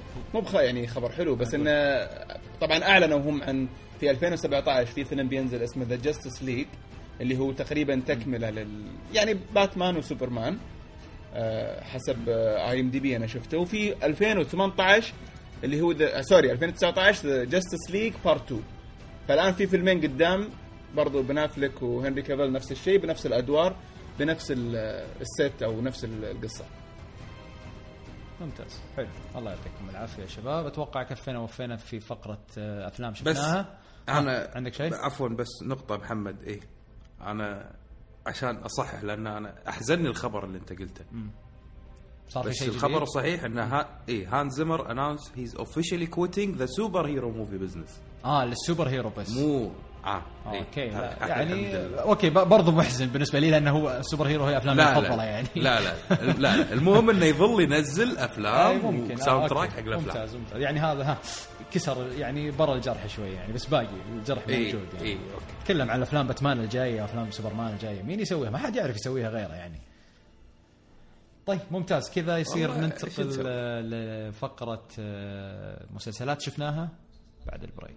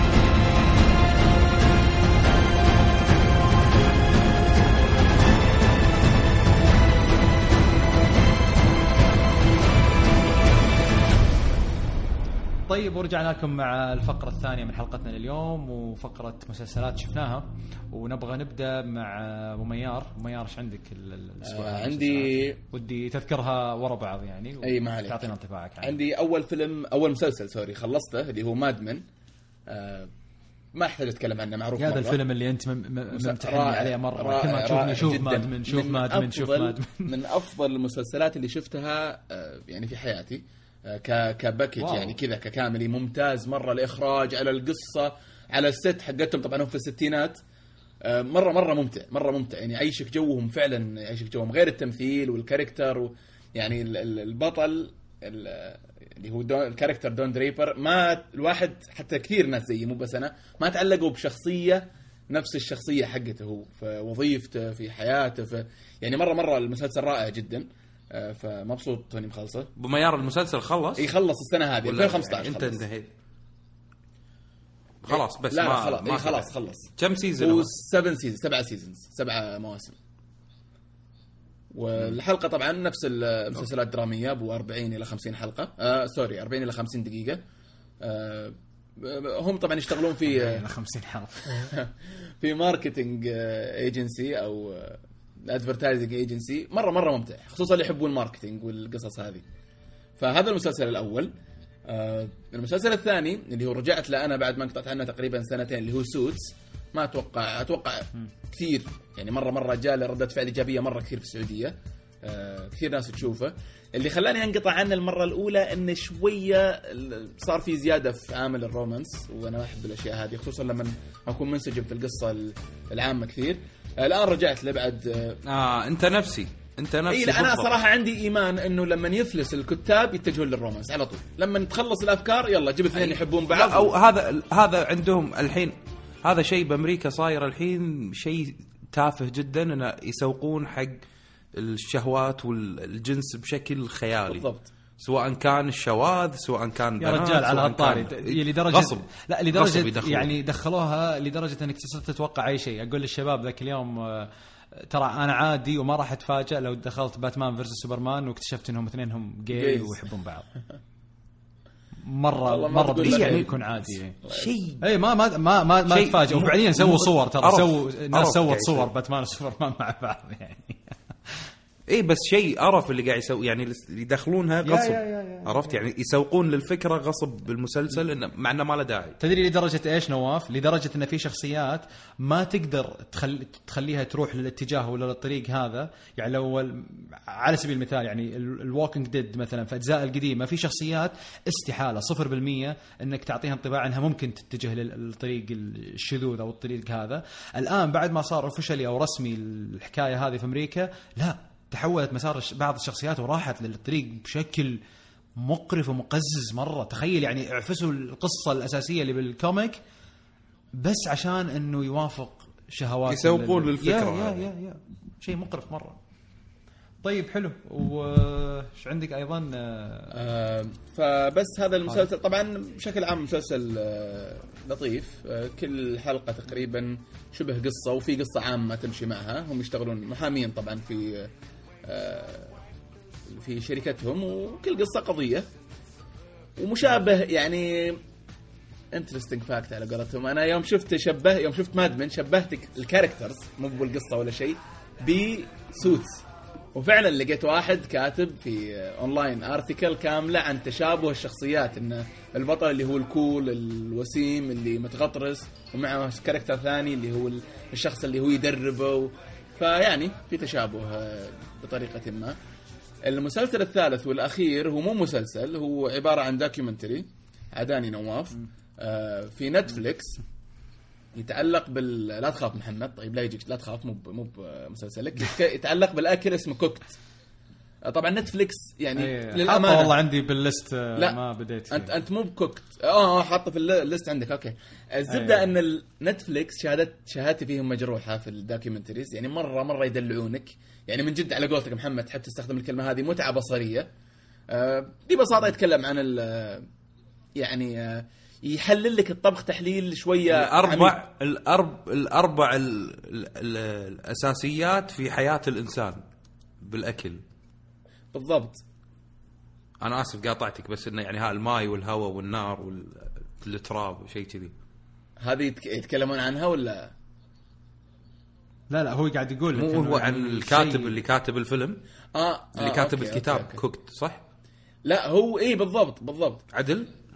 ف شو اسمه ال- انت شفت إيه نواف شفت شفت شفت الكاتب ال- هذا هو إنه يتكلم عن هذا الشيء. إلا هو اللي هو ما... مايكل مايكل بولن امم بالضبط. فشو اسمه ال- ممتع fun صراحة. آه ما خلصته ما شفت فيه منه إلا كم إلا كم إلا كم حلقة. لكن آه أنا أعشق ال- برامج ال- الأكل ف ما أتوقع أي شيء ممكن يعجبني في المجال لكن الإخراج كان مرة حلو. فشوفوه ورجعوا نتكلم فيه. تصوير تصوير. تصوير الأكل وشلون يحطون لك إي وال... ال slow motion وكذي كان حلو. بالضبط بالضبط. وال... وال... واعجبني فيه إنهم تكلموا خذوا الأكل من منظور شوية شوية مختلف. فما أبغى مع إنه ما في حرق بس ما أبغى أتكلم عنه بتفاصيل أكثر. تفرجوا عليه. شوف شفت محمد شلون ال documentary صعب تتكلم عنه وتقول؟ طيب حلو أنا بتكلم الحين عن وثائقي وبنشوف أعرف أتكلم عنه ولا لا. طيب عندي على طاري الأكل وعلى طاري نتفليكس وعلى طاري إنتاج نتفليكس شيف تيبل نفس الشيء عن الأكل ومدحت لك يا أبو ميار. آه وثائقي من ست حلقات. آه ممتاز مرة. آه يتكلم عن أشهر ست طباخين آه ماخذين على النجمات الثلاثة اللي هي نجمات آه مشلان اللي تنعطى لافضل الطباخين. طبعا تتكلم لما تاخذ نجمة واحدة فأنت تعتبر إنسان مرة عظيم. لما تاخذ نجمتين فأنت أسطورة لما تاخذ ثلاث فأنت ملك في الطبخ يعني خلاص يعني آه، ما في أحد فوقك. فهو مسوين آه، ست حلقات. كل حلقة تتناول آه، واحد من الطباخين الستة وكيف بدأ وإيش فكرته وإيش فلسفته في الحياة وإيش بالنسبة له الأكل أو مطعمه أو طريقته في الطبخ أو من وين بدأ وكيف يدخلونها بالثقافة وب- وبالحياة وبالدين وبال بال بال وبالنفسية وبكل شيء فعليا. آه، يعني طبعا أنا ما أتكلم لكم عن الإخراج أنا أتكلم لكم عن طريقة تقديم الشيف هذا كيف كيف كيف كيف آه، كيف بدأ مشواره في الطبخ وفي طهي الطعام يعني بشكل عام. آه هذا واحد عجبني كيف إنهم آه أعطوا الطباخين الحرية الكاملة في سرد القصة يعني ما أجبروهم على سياق معين فكل حلقة فعليا كأنها فيلم مستقل بذاته إخراجها يختلف آه، موسيقتها تختلف آه، طريقة إدارة الحوار فيها تختلف آه، تناول قصة الشيف تختلف كلها تختلف. في كل حلقة ممكن تأخذ انطباع خاص لدرجة إنه أنا عندي بعض الحلقات مرة توب وبعض الحلقات عادية جدا. آه، طبعا للأمانة ال- ال- ال- ال- ال- ال- ال- التصوير والإخراج والألوان آه، وطريقة إخراج الأطباق أصلا والأكل جدا جدا جدا ممتازة. آه، لدرجة إنك يعني استغفر الله العظيم كل الأكل اللي أكلته بحياتك تحس إنه ولا شيء تحس إنه ألعاب أو بلاستيك بالنسبة للأكل اللي شفته. آه، يعطيك بعد ما تشوف كل الحلقات كذا تاخذ أو حتى بعد كل حلقة يجيك انطباع اللي يا أخي فعلا أنا لازم الحين أبدأ أقدر آه، الأكل اللي يصير قدامي ولازم أبدأ أحترم معدتي أكثر. يعني طبعا هذه شلون تبدأ تنشأ عندك الفكرة والثقافة هذه آه، من من الكلام اللي تبدأ تسمعه من الطباخين وكيف إنهم يقدرون كل ذرة طعام في في أكلهم وليش يضيف هذا وليش هذا لازم تتذوقه بالطريقة هذه وليش هذا هذا لازم ينوكل بالطريقة هذه؟ تبدأ تنشأ عندك ثقافة اللي هو يا أخي أنا ما أحط أي شيء بمعدتي. فعليا دام أنا معدتي صغيرة لازم آخذ شيء مرة حلو لازم أتذوق لازم كذا. تنشأ عندك الفكرة هذه عرفت؟ تبدأ يشجعك على أنك تقدر أو تحترم معدتك أكثر يعني للأمانة يعني. آه، فيه آه، مسلسل جدا ممتاز وأنصح بالأمانة فيه خصوصا الناس اللي تحب الأكل أو اللي يعني عشان أختصر الموضوع الناس اللي تبغى تشوف الأكل والطهي بطريقة أو بزاوية ثانية وتبي تغير نظرتها للأكل إنه مو بس شيء تاكله وخلصنا. شوف Chef's Table. طبعا من إنتاج نتفلكس هذا بالنسبة للمسلسل الأول. بالنسبة للمسلسل الثاني ما راح أطول فيه كثير اللي هو The Walking Dead مستمر في ال season ال- ال- الجديد اللي هو ال season ال- السادس. آه، باقي حلقة واحدة على ال finale. آه، للأمانة المسلسل آه، طبعا هم كانوا ماخذين break آه، تذكرون لما كنت أتكلم عنه في الحلقات اللي قبل. آه، الآن هم ماخذ آه، رجعوا من ال break وبدأوا الحلقات. باقي ال finale الأسبوع الجاي. آه، رتم المسلسل رجع للنشوة اللي في ال- في ال season الأول. آه، رجعت هيبة الزومبي اللي طاحت في كل المواسم اللي راحت. الشخصيات الجديدة كانت مرة ممتازة. آه، للأمانة لهم فترة ما ما ما قتلوا أي يعني من ال- الأبطال الحقيقيين زي ما تعودنا. تكفى لا تسولف عنه تكفى.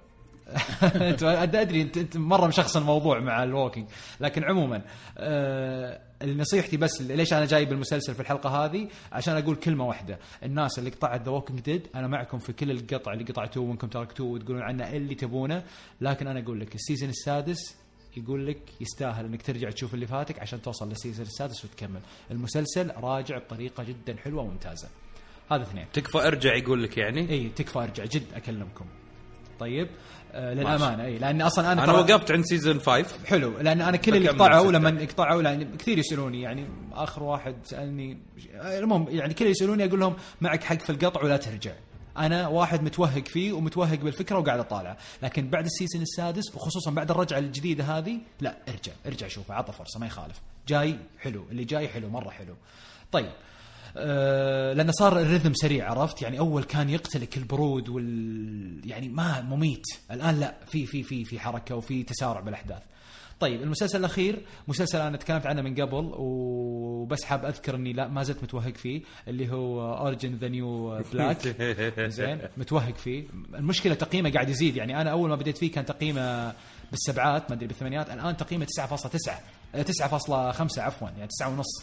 زين آه إيش اللي قاهرني فيه؟ ليش جاي أبي أفضفض لكم عنه؟ أبي أفضفض لكم عن فكرة مسلسل كالعادة دائما لما أتحطم عن الشيء ذا إنه أدخل مسلسل بفكرة وبعدين يشطحون ويروحوا لي لفكرة ثانية. داخل فكرة السجينة هذه اللي تركت حياتها وتركت كل شيء عشان تبرر ذمتها وفي الأخير اشطحوا لك بأفكار ثانية ودخلنا في عالم السجن ودخلنا في عوالم ثانية نسائية وصار الفيلم نسائي بحت. يعني هي لدرجة إني الأنوثة اللي داخل الرجل اللي فيني تطلع لما أشوف المسلسل. يعني للامانه يعني عرفت؟ شيء شيء مقرف مقرف. ماني قادر أترك المشكلة. خلاص عرفت اللي توهقت فيه. خصوصا لما تخليه مسلسل غدا فيصير روتيني. خلاص ترجع من الدوام تتغدى تفتح المسلسل. فلازم إنك تشوفه. ف يا يعني هذا اللي كان عندي هذا الأسبوع وكذا يصير خلصنا مسلسلاتي. نواف. نعم. عندك. أنا طال عمرك عندي مسلسلين. حلو. حلو. Daredevil ال season الثاني. ممتاز. هذا لازم تشوفونه. لازم على تشوفونه. فكره بديت أكمل ال season الأول بس ما زلت لا تزعل مني نواف ولا تطقني. ما زلت أتغصب عليه ما أدري ليش. اي اي اي عادي عادي أنت ال season شفت جيسيكا ال season الأول؟ كذي season جيسيكا جونز شفته؟ لا قالوا قالوا لي خلص Daredevil الأول والله قاعد أتغصب على Daredevil ليه؟ ليه قاعد أتغصب أدري عليه؟ فاهمك كمية الإنتاج اللي فيه رهيبة وفخم وإخراج وشخصيات بس بس طويل وطويل يهد وممل بدنك يهد بدنك من الطول يعني أي حلقة واصل. سبعة ستة شيء كذي والله أتمنى إني واصل سبعة ستة بس خليني أقول لك الحين أطلع لك دقيقة واحدة بس اي واصل نوا- يا طويل العمر. آه، قول قول خالد. أقول بس بس نواف إذا شاف جيسيكا جونز ولا ما شافه؟ لا أنا الحين بشوف جيسيكا جونز. طيب أنا يعني واصل الحين ببدي أشوفه. أنا واصل خلصت حلقة In the Bold أو Blood اللي هو الرابع الظاهر. حلو. بعد ما تطوف الثامنة راح أمسك الخط؟ تتمتع. okay. بس ممكن. ال season الثاني يعني غير ال season الأول ب 870 درجة أو 720 درجة. مو 360 720 تخيل لهالدرجة. يعني أنت الحين عندك ال season الأول بداية منو موردوك ومنو هذا وشلون صار كذي وفيسك شلون عرفت الشخصيات هذه اللي يعرفونك عليها؟ ال- الموسم الثاني لا من أول حلقة حاط لك شخصيات واحد اثنين ثلاث طق طق طق طق تم طق اللي يا حبيبي نهدى شوي نهدى. ريح. خل أفهم خل أستوعب. ما تقدر. طالع حلقات شي ورا بعض ورا بعض. فالمسلسل وايد صار أقوى من ال season الأول. وايد صار أحلى. يا ليت. آه، الأحداث اللي فيه وايد سريعة. ووايد في قصة أكثر من اللي قبل. وفي شخصيات أحلى من قبل. يعني انت الحين بال season الأول عندك شخصية واحدة اللي هو Daredevil. ال season الثاني عندك ثلاث شخصيات superhero. ودشوا تمتعوا فيهم. ممتاز طيب. آه وبس هذا اللي عندي على Daredevil. المسلسل الثاني شفته بالغلط. واستمتعت فيه صراحة وقاعد أكمله.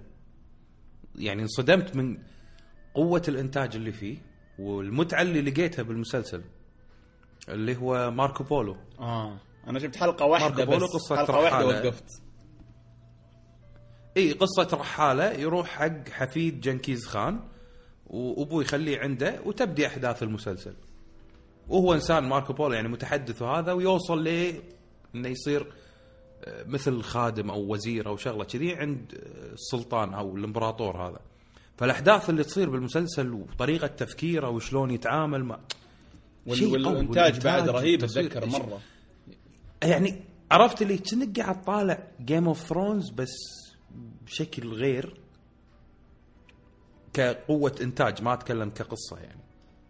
وبالنهاية هذه قصة يعني حقيقية صارت. ومن خلال المسلسل هذا سووا مسلسل ثاني اسمه ماركو بولو The 100 Eyes عن شخصية موجودة بالمسلسل. ف يعني أشياء جديدة وايد يعني قاعد أشوفها Netflix قاعد تقدمها بشيء وايد حلو. ف Daredevil وماركو بولو هذيل المسلسلات هالأسبوعين إذا تبون تقدرون تشوفونهم وتستمتعون فيهم. حلو. وتستمتعون مع الحلقة بعد آه، في بعد البريك نصير ننتقل لفقرة النقاش العام.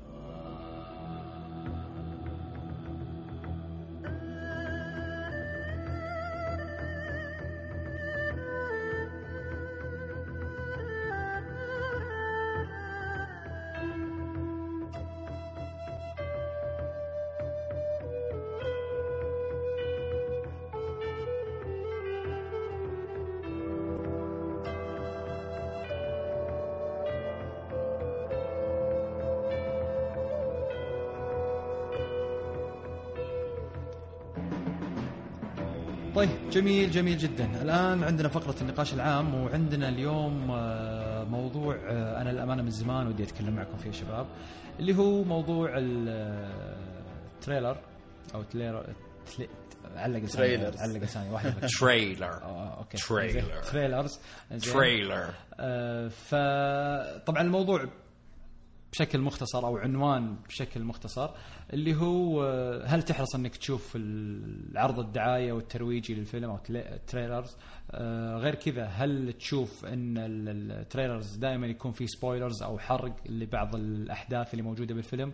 وهل تأثر على قراراتك في مشاهدة الفيلم؟ يعني لما تشوفه هل يعطيك انطباع إنه ها أشوف الفيلم هذا ولا ما أشوفه؟ ولا تثق في التقاييم بشكل آه، أكبر أو أفضل من ال- ال- الإعلان؟ فيا أنا ودي آه، أخذ آه، انطباعاتكم شباب في البداية أبو ميار. طيب الموضوع هذا جدا حساس عندي آه، خصوصا ان دائما أختلف فيه حتى مع حتى مع زوجتي. تحب ال trailers مرة مستحيل تشوف فيلم بدون ما تشوف ال trailer. حتى في ال حتى في ال في ال في القراية في الكتب ممكن قبل ما تبدأ أي chapter تشوف آخر paragraph بعدين ترجع تقرأ بداية ال chapter فأنا أعتبر أعتبر الموضوع وسوسة. ال trailers بالنسبة لي أنا أكرهها جدا لأني مؤمن إيمان تام إنه ممكن واحد يخرب لك أبو الفيلم ويحرق لك إياه من ال trailer بغلطة بسيطة. فببساطة ليش ليش أخوض ال ال ال ال risk هذه؟ إني أروح أشوف التريلر بعدين يطلع لي مشهد ولا يطلع لي حاجة بسيطة يحرق لي على ال- ال- الفيلم كله. إلا إذا كان يعني شيء مرة مرة آه، خفيف يعني الفيلم مثلا كوميدي وما تفرق معك وما في أصلا قصة ولا قصة أنت already عارفها من قبل بس تبغى تتفرج على الفيلم كذا ممكن. هذا الإجابة للسؤال الأول يتعلق بال بال spoilers آه، هل تأثر على قراري؟ ما تأثر لأني ما أتفرج عليها ببساطة. آه، يعني حاول أتجنب قدر المستطاع. ما أدري للأمانة من اللي يسوي ال trailers هل هو المخرج له رأي قوي مرة في ال trailer هو اللي يقول طلعها بالطريقة الفلانية أو الطريقة العلانية وأشك في الشيء هذا لأن بعض الأفلام تطلع لها آه، أكثر من trailer أحيانا اثنين أو ثلاثة. فأتوقع أنه موظف ما أبغى أقول موظف عادي لكن أتوقع أنه واحد في المنتج عندهم هو اللي يسويها. لذلك آه، أنا مؤمن إنه ممكن يحرق يحرق ال- الفيلم فيها. آه، أثق طبعا في التقييم أكثر من من ال trailer آه، خصوصا Rotten Tomatoes أكثر من حتى ال IMDb فهذا رأيي ببساطة. نواف شرا طيب قبل ننتقل لرأي نواف بس ودنا قبل نسينا نعرف ال trailers بشكل صحيح وأيضا فرقه عن ال teaser. طبعا ال trailers اللي هو آه، العرض الترويجي والإعلاني اللي يكون الهدف منه آه، إنه يرغب المشاهد في حضور أو مشاهدة الفيلم بحيث إنه يعرض ال ال ال ال يعرض ال- ال- الأشياء البارزة بالفيلم أو الأحداث البارزة بالفيلم بدون ما يحرقها المفترض هذا المفترض. ال- وال trailers قبل سنوات يختلف عن ال trailers الحين بحيث إن الحين صاير الهدف الفلوس وبس الفلوس. يعني أهم شيء إنك تحضر ال- الفيلم هذا بغض النظر يصير flop مقلب ما يصير مقلب ما يهمهم. فهذا هذا بالنسبة لل trailers. الفرق عن ال teaser ال teaser دائما يصير مرة قصير واللي هو يسمونه تشويقة يعني اللي هو يشوقك بس الفيلم وغالبا يطلع قبل ال ال قبل ال ال ال ال trailers. آه، ويكون مدته قصيرة يعني تكون مثلا أبو 30 ثانية ولا 40 ثانية أو حتى أقصر ساعات ويصير فيه مشاهد متسارعة يعني آه، على قولتهم flashing كذا وبس. فهذا بالنسبة للتعريف الاثنين آه نواف آه، إيش رأيك أنت؟ والله أنا عكس أبو ميار مليون درجة. لا خلا خلا 720 أشوف درجة زي آيات قبل شوي أدري كم. يلا 720 درجة. يعني مرتين لافه الدائرة. مسطرة خاصة فيك ذي نواف. أوكي كمل. ليش؟ أنت 360 ما- الفها مرة ثانية لا تناقشني يعني. لا تناقشني في الرياضيات عشان ما أهزمك يعني. ماشي أوكي أنا آسف حلو. عفوا؟ عفوا؟ اي أوكي. أطنز على نفسي طبعا. إيه. إيه عبالي بعد. المهم آه قاعد أقول لك أنا متعتي أشوف trailer ات الأفلام ويعني عندي موقعين أدشهم بس أشوف trailer ال trailers حق الأفلام. لو في trailer ات حق أفلام تنزل ليش السنة الجاية؟ أقعد أشوفها كلها. أنا بالنسبة لي أشوف إن ال trailer يعطيني نبذة عن اللي أنا بدش أشوفه. يعطيني حبكة الفيلم شنو الفكرة الأساسية من الفيلم واللي بشوفه وشنو أهم الأحداث اللي ممكن أشوفها وأتوقعها بالفيلم. فأنا ما أحب أدخل فيلم على عماي انه بس أبي أدش السينما وأطالع. آه فيلم حلو okay يلا خلينا ندش. أحب أعرف شنو اللي راح يقدمون لي إياه بهالفيلم هذا وشنو أهم اللقطات. سالفة إن ال trailer يحرق علي القصة والفيلم هذه وايد مستبعدة إنه يحرق عليك القصة لأن بالنهاية أنت قاعد تشوف دقيقتين من ساعتين أو بس ساعة موزع الدقيقتين ياخذ لك من النص معك. ومن النهاية ومن البداية يعني ما أدري أحس بس مستحيل يحط لك القصة معاك- كاملة معاك. مستحيل لأن بالنهاية هو يبيك تدفع فلوس تدش تشوف طب. عمرك ندمت؟ عمرك شفت تريلر ندمت؟ خلاص آه إيه بس مو لأنه يعني حط لي قصة الفيلم أو خرب علي الفيلم ندمت انه أعطاني مثلا إيحاء إن الفيلم وايد قوي ولما رحت الفيلم طلع الفيلم وايد تعيس نفس مثلا فيلم جودزيلا ال trailer ماله كان جدا قوي. دخلت الفيلم رجعت وأنت بكرامة يعني تعبت نفسيا من الفيلم. بالعافية. آه، ففي مثلا أفلام عندك يعني يتعبون على ال trailer يخلونه وايد قوي ويدخلك الفيلم بعدين تقعد إن هذا شنو اللي شفته يعني؟ وين ال trailer؟ أحلى من الفيلم مليون مرة. فأنا مرات تصير فيني هذه. بس إنه يخرب علي؟ لا ما يخرب علي. آه، على سالفة التقييمات نتكلم الحين ولا بعدين؟ لا لا قول قول الحين. بس تريلرات عادي اللي ودك. اي التقييمات أنا ما أحترمها نهائيا ولا أهتم فيها نهائيا لأن كلها أغلبهم ناس مدفوع لهم عشان يكتبون أو لا إن مو شخص مو الكريتكس يا نواف العامة تقييمات العامة الناس. حت حت حتى الناس لأن بالنهاية قاعدين يقيمون في الموقع اللي عنده مشكلة شخصية مع فلان وفلان وفلان. على سبيل المثال Rotten Tomatoes شفت كم التقييم اللي معطينا حق باتمان وسوبرمان 33% يعني حتى حتى 33. لو إنه فيلم رعب اللي هي الأفلام اللي دائما تأخذ تقايم تعبانة مرة ما يستاهل باتمان versus سوبرمان ياخذ كذا لا لا تبي تبي أصدمك أكثر محمد في فيلم اسمه Sharknado شايفه؟ مو مر عليك Sharknado؟ مو مر عليك أنا ما أنا Sharknado؟ لا ما ي- ما شفته. ما ما شفته. okay. ال- الفيلم هذا آه، آسف على الكلمة من أزبل الأفلام اللي تصور اللي صورت بكاميرا. لا في يعني أفلام ب- بميكروفون يعني ألعن. okay. لا يعني هذا يعني أزبل شيء انحطت عليه كاميرا وقالوا خلينا نسوي الفكرة هذه. فكرته إنه في إعصار في أسماك قرش تاكل الناس. والاعصار يمشي وأسماك القرش تمشي وتأكل الناس. wow. الفيلم مو low budget يعني أقل من ال low budget يمكن مسوينه ب 70 ريال. أتوقع مسوينها بفسحه أتوقع طفل الفيلم. يعني. لا لا يعني شيء شيء تعيس تعيس. تدري كم معطينا Rotten Tomatoes أيوه. مم، 90 80 من 100 طيب. لحظة لحظة لحظة نواف لحظة لحظة عندي ملاحظة بس. Rotten Tomatoes إي تفضل. 17 واحد قيم لك ال Sharknado والمع... وفعلا شكله معفن. طيب 17 واحد لكن باتمان شفت الصورة؟ فوق ال 200 شخص اللي اللي قيم لك. فاهم قصد انت فاهم وجهة نظري؟ فما هو مقياس لما يكون العدد شوي غالب. okay إيه، كم بس خالد؟ كم معطين شارك نيدو. شارك نيدو تكفى كم معطينا؟ معطينا حاجة 82 طماطة مستويه يلا يلا اي لا طب بقول لك شغلة خليني خليني أقول لك شغلة بس قبل أقول رأيي. آه خالد ترى على فكرة يعني هذا مو بس بالتقايم بأشياء كثيرة يعني. الناس تروح مع الناس.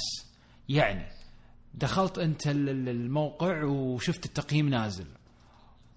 تجي أنت سواء شفت الفيلم ولا ما شفته لأن الموقع والناس معطينها التقييم تعطي زيهم. هذا نتكلم عن العامة الغالبية. عرفت؟ هذا واقع. يعني اي هذا واقع. أنا أنا أعيشه. يعني أنا أقابل ناس كذا فعليا. يعني يحضر الفيلم وقبل يحضره هو قاري التقييم وشايفه نازل فمهما أبهر الفيلم يطلع ويروح يقيمه زي الناس، okay الناس كم عطوا سبعة سبعة. لدرجة إن ساعات في بعض البرامج أو التطبيقات تخليك تقيم بعدين تطلع لك تقييم الناس. فأعرف أشخاص كثير جدا. يجي مثلا يقول والله الفيلم ثمانية. بعدين تطلع النتائج يقول لك okay أنت قيمته ثمانية ترى الناس قيمته خمسة يروح ينزل تقييمه الخمسة والله كذا تخيل تخيل على على هالطاري محمد بس في دراسة صارت يعني بعيدة عن الشيء هذا بس يعني مرتبطة بهالموضوع. أه، سووا تجربة انه يابوا شخص قاعد أه، يطق زوجته أو شغلة كذي قدام الناس. فشافوا إن أغلب الناس اللي قاعدة تشوف المشهد ما حد تحرك ما حد سوى شيء. فسووا تجربة حطوا شخص قاعد يهين أه، مرته أو شغلة كذي بغرفة وحطوا الناس في غرفة تشوف انه بيشوفون ردة فعلهم. يعني يتحركون يساعدون ولا ما يساعدون. لقوا إن أغلب الناس اللي يكونون بروحهم واقف بروحه تيله هذه النزعة إنه يروح ويبي يساعد. بس إذا كان حواليه ناس يشوف ردة فعلهم بعدين يسوي نفس اللي يسوونه. فكل ما زادت كل ما زاد عدد الناس في الغرفة اللي يوقفون ما يسوون شيء تزيد نسبة الناس اللي توقف ما تس... ما ممتاز. هذا هذا يحطون معاهم هذا- ممثلين. هذا دائما فهو نفس الفكرة. التقييم لما أدخل ألقى 100 أنت قلتها مثلا خالد قال 200 شخص دش وقيم الفيلم 33 فأنا خلاص ارتكزت بمخي الفكرة ان لما أدش الفيلم الفيلم سيء. خلاص إيه. ما ما في شيء حلو. طيب هذا. هذا كله كوم. غير لما نواف هذا كله كوم وفكرة إنك تعتقد إن توجه الموقع يغير في رأي الناس أو يغير في الأشياء اللي تطلع. هل فعلا أنت مؤمن بالشيء هذا ولا فقط أن الناس نظريه أن الناس مع الناس؟ مليون مليون بالمية. وأنا أقدر أثبت لك إياها. شوف تقييمات Rotten Tomatoes حق أفلام مارفل وشوف تقييماتهم حق أفلام دي سي راح تعرف توجه الموقع بشكل عام. yes هذا واحد. طيب كويس. هذا هذا خالصين منه يعني. بس انه في ناس ما ما تهتم حق الشيء هذا عرفت؟ يعني ما تركز باللي, باللي قاعد يصير في عندك مواقع كثيرة مثلا تركز ان تضرب بالأندرويد في مواقع تضرب بأبل في مواقع تضرب بالشركة هذه كلها بحقه يا كلها إنه مدفوع لها. يعني كلها مدفوع لها يعني. بالضبط يا انه مدفوع له يا انه يعني أنا الحين صار لي موقف شخصي مع محمد وموقعي كبير ادش أكتب والله محمد فيه وهالنقطة وأسوي لك روحي إن أنا يعني ما لي شغل بمحمد بس إنه قاعد أتكلم عنه بمنظور علمي ومنظور تقني وتخصصي بس هو مو تخصصي هو هذه مشكلة شخصية بيني شخصياً وبينه مشخصن الموضوع. أو. شيء صاير بيني وبينه فهذا اللي قاعد يصير بمواقع التقييمات. كل ما تكبر والناس تتابعها أكثر آه، ما أدري يحوشها غرور يحوشها شيء إن إحنا رأينا الصح وإحنا اللي نتكلم وإحنا اللي نقيم. وأغلب ترى النقاد اللي في العالم قبل كانوا يشوفون نفسهم كذي سواء كانوا اللي يقيمون الأكل اللي يقيمون الأفلام. يعني يقول لك أنا ناقد فني وأنا آه، تأخذ مكانتي. الحمية والأستاذية اللي فيه. إي والناس تخاف من رأيي ورايي أنا يأثر فيهم. هذا الشيء بال social media الحين خلاص ذبحه قتله. بالضبط. مو رأيك هو اللي يأثر فيني؟ رأي الناس العام الناس كلها. شنو تقول؟ والاختلاف بالآراء والله أنا عاجبني أنا مو عاجبني. هني بدأت يتغير. أغلب الناس اللي مثلا على فيلم باتمان تخيل محمد والله أربعة كلمتهم شنو العذر؟ انه ليش ما عجبهم الفيلم؟ تخيل شنو التقييم سيئه لا لا يا ريت والله يا ريت. قاعد يقول مو نفس الباتمان اللي طاف. إي هاي طبعا هالموقع. إي لا لا بقول على طاري هذه بس والله يعني يعني الله يذكرك بالشهادة بس عشان ما انسى. عشان ما أنساها بس. هذه نسينا نقولها بفقره انطباعي عن بس باتمان versus سوبرمان. فعلا شباب اللي يدخل حتى أنت خالد دامك توك ما شفته يعني اللي يدخل فيلم باتمان versus سوبرمان وحاط في باله ثلاثية نولان فهو راح بالضبط بالضبط بالضبط يضيع عليه متعة الفيلم. ليه؟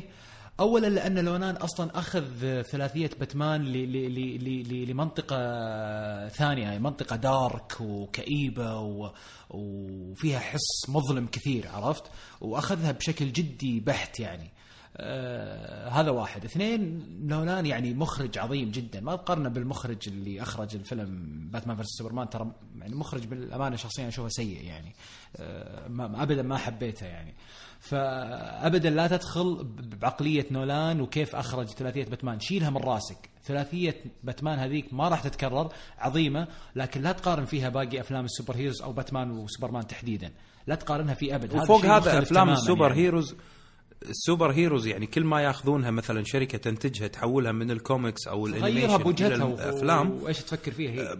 لا لا مو قصة تغيير التوجه قصة إنه ياخذون من مخت... يعني من مجرات مختلفة universe مختلف عن الثاني.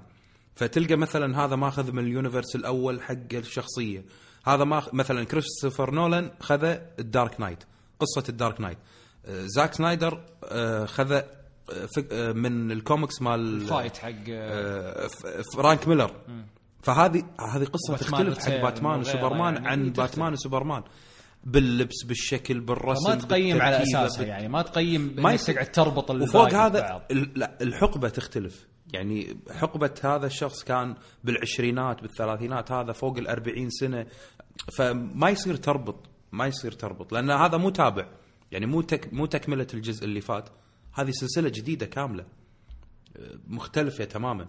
حلو ممتاز. طب خلوني ف- أقول بس أنا رأيي بموضوع التريلرز أصلا بشكل عام ممكن. أه طيب أنا بالنسبة لي أنا كنت واحد ما أشوف الأفلام إلا فعلا زي نواف إنه لازم أروح أشوف ال trailer. ليه؟ لأنه يعتبر جزء لا يتجزأ من التجربة العامة متعتي في الفيلم. اني أشوف ال trailer وأتحمس بعدين أدخل. هذا كان إلين 2014 أو تقريبا 2013 بديت أتوقف تماما إني أشوف أي trailer لا بالعكس صارت لي متعة أو هواية مختلفة وعكسية. صرت أحب إني أشوف الفيلم وبعد ما أطلع أشوف ال trailer تخيل. ليه؟ أنا أقول لك ليه. اولا ال trailer ات الآن في توجه مثل ما قاعد أقول توجه تسويقي بحت. في السابق كان لا كان في توجه مختلف بمعنى ال trailer يعني بمعنى عرض ترويجي. الآن لا ما هو عرض ترويجي بقد ما هو عرض إنه آه شو أقول لك؟ آه مخادع يعرض لك أفضل ما في الفيلم أفضل المشاهد أفضل الشخصيات الأشياء المفاجئة اللي المفروض إني اتفاجئ فيها بوسط الفيلم تسلسل الحدث اللي راح يصير بالفيلم كله صار يحرقونه. فأنا أعتقد إنه ال trailer أصلا اللي يسويه المفروض إنه يسويه أشخاص متخصصين بال trailers وأشخاص يعني trailers ترى بروحه مدرسة كيف إنك ما تحرق الأحداث وكيف إنك ما تطول فيه وكيف إنك تشد الم... المش... يعني المتابع أو المشاهد لل trailers بحيث إنه يجي للفيلم حقك. فأنا أعتقد ان يعني صناعة trailers ما هي صناعة سهلة جدا يعني صناعة جدا جدا صعبة ويبي لها حبكة مضبوطة. آه هذا واحد. اثنين. آه جربت في كثير من الافلام آه يعني شفت trailers حقها وفقدت متعتي بالفيلم. آخرهم مثلا يعني اللي كسرت قاعدتي فيها اللي هو Room. Room إذا تذكرون بذيك الحلقة إيش قلت؟ قلت إني وصلت السينما وما كنت أعرف عن الفيلم شيء وما سمعت عنه أي شيء. لكن شفت الفيلم وشدني ال poster وقلت okay قبل أدخل يعني تدري إحنا مو بالسينما جنب بيتنا يعني أنا متعني. فيا أحضر شيء عليه الكلام ولا ما أحضر؟ فقلت خلني أشوف ال trailers حقه. للأمانة ال trailers حرق علي الفيلم. حرق علي الفيلم يعني مثلا إذا تأخذ انطباع إنه والله الشخصية هذه ما راح تطلع من المكان هذا في ال trailers لا يقول لك okay كان في المكان هذا بعدين بيطلع ترى بيروح مكان ثاني بعدين بدري ليه تسوي كذا؟ ليش تحرق لي الفيلم؟ أنا داخل بانطباع إنه هذا الفيلم مثلا ما راح يطلع من المنطقة المعينه ولا ما راح يسوي كذا ولا ما راح يفعل كذا. هذا واحد، اثنين أنا مثلا فيلم باتمان versus سوبرمان على على الطاري يعني ما شفت له ولا trailers، ما شفت له إلا ال teaser الأول اللي طلع له، الأول teaser طلع له اللي هو كذا وجه باتمان بعدين وجه سوبرمان و stop. هذا الشيء الوحيد اللي شفته، لكن تخيلوا إن إحنا لما رحنا شفنا فيلم باتمان في السينما حضرنا قبله فيلم ديدبول ودخلنا قبل يبدأ الفيلم فكان في إعلانات من ضمنها إيش؟ من ضمنها إعلان لباتمان versus سوبرمان اللي بشوفه بعد ساعة. طيب سوينا كلنا طبعا غمضنا عيوننا ما نبغى نشوف لأن إحنا بعد كلها ساعة وبنشوف ليش أشوف trailers؟ فعليا ال trailers حق باتمان versus سوبرمان اللي ينعرض بالسينما مدته دقيقتين. دقيقتين. إحنا ما شفنا العرض لكن أنا شفته بعدين لكن كنا نسمع يعني كنا كذا موخرين وجيهنا فعلا يعني وجيهنا مرة تضحك وحنا موخرينها عن الشاشة. زين بس نسمع. شخصية مرة مهمة ما كنا ندري إنها بتطلع بالفيلم درينا سمعنا صوتها. هذا واحد. اثنين في بعض الأحداث اللي كنت ما تتوقع إنها تصير وصارت ب trailers طلع لي إياها أعطاني تلميحة. okay مثل ما قال نواف ما يحرق الحدث لكن يعطيني تلميحة جدا قوية إنه بيصير خلاص بيصير. هذا اثنين. ثلاثة يعطيني كل ال location ات اللي تصور فيها. يعني أدري إنه في ثلج ولا أدري إنه في بر ولا أدري إنه في غبار ولا أدري إنه في عمارة بتنكسر ولا عرفت؟ هذا ثلاثة. أربعة بعض ردات الفعل اللي أنتظرها من بعض الممثلين في بعض الأحداث يعطيني صورة لمحة عنها flashing كذا سريع أو بوب سريع كذا عنها. مثلا نظرة الممثل الفلاني في في في كلمة تنقال ولا نظرة الممثل الفلاني في حدث يصير. هذه كلها تفقد عندي متعة مشاهدة الفيلم. فأنا صرت نهائيا واحد. ما أقيم الفيلم على ال trailers ليه؟ لاني تفاجأت من كثير من إعلانات ترويجية للفيلم. يعطيك أكثر مثلا Avengers، Avengers أكثر الأفلام اللي تنخدع ب trailers ليه؟ وش الأحداث المهمة؟ وش الأحداث اللي تعبوا عليها؟ وش الأحداث اللي انصرفت عليها فلوس؟ جمعها وحطها ب trailers، الناس تنصدم تقول wow شكل الفيلم من أول دقيقة لاخر دقيقة كله كذا، تدخل فعليا اللي شفته ب trailers هي الأحداث اللي بتجيك بالفيلم وقوية وباقي الفيلم نايم. فعليا. فأنا صرت ما أقيم الفيلم لا عن طريق trailers وصرت أقتصر. إذا مرة ما أعرف عن الفيلم شيء بشيئين. إذا في teaser شفته المشكلة مو كل الافلام تعرض teaser يعني The Revenant من الأفلام اللي ما نزلوها trailers نزلوا بس teaser ليه لأن فعليا لو نزلوا trailers خلاص الفيلم ينحرق. قصة مرة سطحية.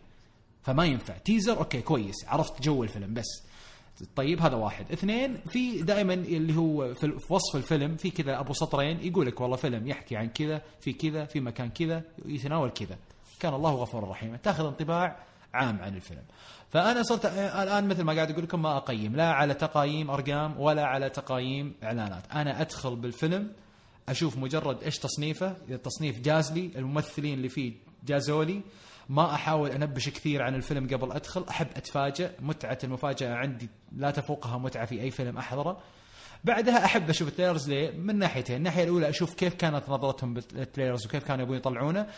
ثلاث أو اثنين أعرف إيش الأشياء اللي كانت المفروض إنها تنحرق علي. وفعلا كثير من الأفلام والله أنا وافق كثير من الأفلام اللي بعد ما شفتها ورحت شفت الاعلان حقه قلت الحمد لله إني ما شفتها من جدهم مطلعين الشخصية ذي ومطلعين فلان ومطلعين ال location فلان ومطلعين حدث فلان إيش بقى في الفيلم؟ ما بقى شيء. فأنا يعني طيب ضد- ليش تحب تشوفه بعد. الفيلم يعني الآن ما ف... ليش ليش بعد الفيلم تشوفه خلاص انتهى كل شيء قاعد أقول لا قاعد أقول لك للمتعتين اللي ذكرتهم متعة إني أبي أشوف إيش الأحداث اللي كانوا بيحرقونها علي فأحس بالانتصار الداخلي آه، إنه هو okay، okay. أنا غلبتكم ما شفت إعلانكم. واثنين إنه أشوف إيش كانت رؤيتهم للفيلم إيش كانوا ناويين يطلعونه؟ هل كانوا يطلعونه بالوجه الأكشني ولا بوجه الدراما ولا إيش هم ماخذينه؟ وين ماخذينه؟ خصوصا لما يصير الفيلم على أكثر من تقسيم يعني زي Deadpool مثلا كوميدي و adventure و action فبشوف ال trailers مودينا وين؟ على أي ثيم على أي وجه؟ هل ماخذينه اكشن هل ماخذينه كوميدي عرفت؟ فأعرف إيش الانطباع العام عن الفيلم. بس على طاري Rotten Tomatoes قبل اليوم أشوف آه آه محمود حم محمود مهدي اللي عنده قناة على اليوتيوب يسوي reviews للأفلام. اسمه فيلم جامد أو حاجة زي كذا. المصري هذا أيوه المصري. الآن هو صار أول ناقد مرة الآدمي. الآن صار أول ناقد سينمائي مصري وعربي آه، على موقع Rotten Tomatoes يعني ك- خلوه إيه خلوه critic الآن صار يقيم كناقد. ممتاز يستاهل الادمي. مرة ممتاز. ممتاز الله يعطيكم العافية. طيب في بس أنا لاحظت في- لاحظت شغلة إنه يعني شوف خالد ما يشوف التريلرات. أنا أشوفهم قبل الفيلم ومحمد يشوفهم بعد الفيلم. اي متنوعين. فحلو التنوع. كل. واحد على فعلا جو صح. بالضبط. ممتاز ممتاز. طيب حلو. في أحد عنده إضافة أو شيء لل- للفقرة؟ no أنا بس. ممتاز ممتاز. طيب يصير كذا إن شاء الله يعني غطينا الموضوع بشكل كامل. طبعا حنا نستنى ارائكم و... وأنتم إيش تشوفون بالنسبة للموضوع؟ تقدرون تشاركونا تمنشنونا على آه، حسابنا في تويتر اللي هو Shuffle underscore cast آه، ودنا نسمع آرائكم ونستمتع فيها أكيد ونقراها كلها. يعني ما إحنا ترى ما نطنش أي رد كل الردود نقراها. طيب كذا يصير خلصنا فقرة النقاش العام. break ونرجع لأسئلة سألتوها.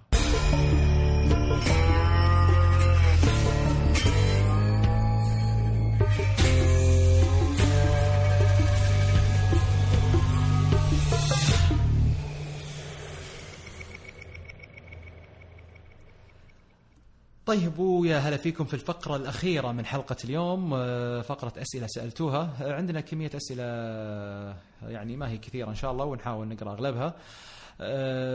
طبعا أول شيء يعذرونا إذا كان في دائما أسئلة متكررة أو بنفس المعنى أو لها جواب واحد أو قد جاوبنا عليها في- وسط الحلقة.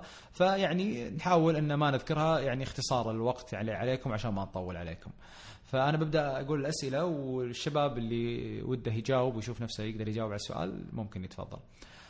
طيب عندنا هنا أول سؤال من S S S A أو شيء زي كذا اسمه غريب يقول أنا إنسان ما جربت أطالع ولا مسلسل إنجليزي فوش تنصحون أول مسلسل أبدأ فيه؟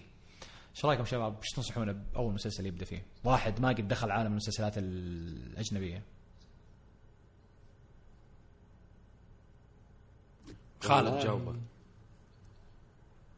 والله تعتمد على أتوقع لازم الشخص نفسه. يعني وش الجو يعني. ال background حقته وش جوه بالضبط. يبغى شيء والله تدري أنا ممكن أنصحه. فيه؟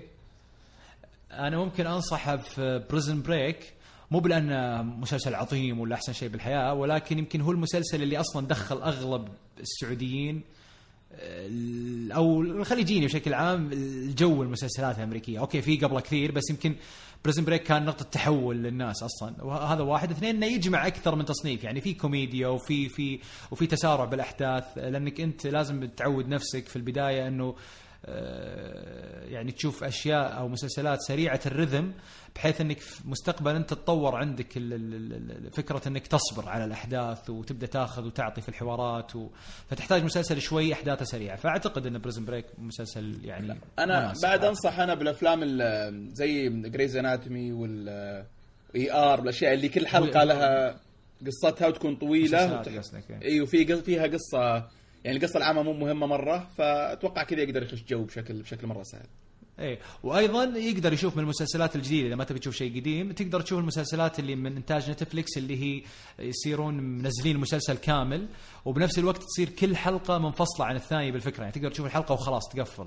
آه ومو شرط من إنتاج نتفلكس يعني في غيره يعني مثلا بلاك ميرور من المسلسلات اللي أنصح فيها حتى لو إنك جديد آه بيعجبك لأنه عبارة عن أفلام قصيرة. يعني كل حلقة فيلم. أيضا شيرلوك شيرلوك هومز نفس الشيء من آه إنتاج البي بي سي آه، تقدر إنك تشوفه. كل حلقة يعطيك كل حلقة فيلم تقريبا ساعة ونص يمكن ثقيل يصير عليك البداية لكنه مرة ممتاز. فيا تقدر يعني في خيارات جدا كثيرة. طيب السؤال الثاني. يقول هذا يقول تكلموا عن أفضل المسلسلات اللي تنعرض حاليا. أه طيب إيش رأيكم شباب؟ وش أحسن المسلسلات اللي السنة دي يعني؟ خلينا نقول 2016 أو نهاية 2015 طلعت. بلاك ميرور اللي أنت قلته. ديرديفل عندك جيم اوف ثرونز عندك ما- مارك بولو هم حلو عندك آه، بعد شنو؟ قولوا معي لوثر ووكينج ديد لوثر لوثر. لوثر مرة ممتاز. شفته.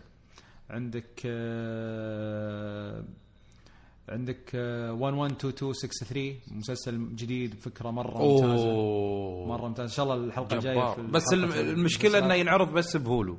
yes يعني يمكن أغلب الناس ما يقدرون يشوفونه yes عندك بيتر كول سول مرة ممتاز أنا كنت ناوي أتكلم عن الحلقة هذه لكن اجلت الحلقة صدق يسوى. يعني. أنا لا- لا، يسوى مقتنع فيه. زيادة. لا لا لا لا لا لا, لا, لا.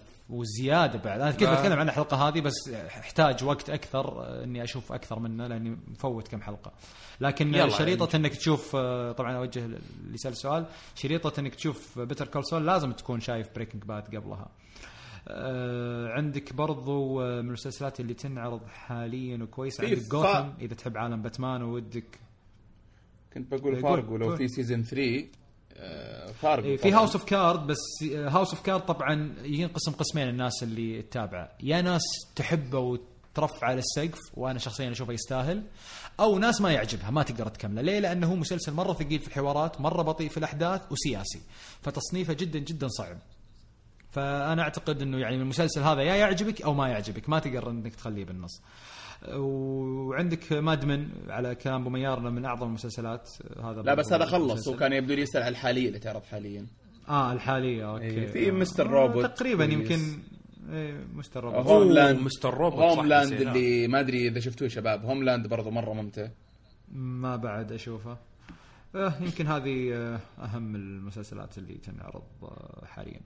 طيب السؤال اللي بعده يقول آه يعطيكم العافية نبي انطباعكم عن باتمان فيرسس سوبرمان. طبعا تكلمنا عن الانطباع في الحلقة. بس ويقول ما أتوقع انه باقي انطباع ما قلنا. ويقول لا طبعا ترقبوا فقط الحلقة الطويلة.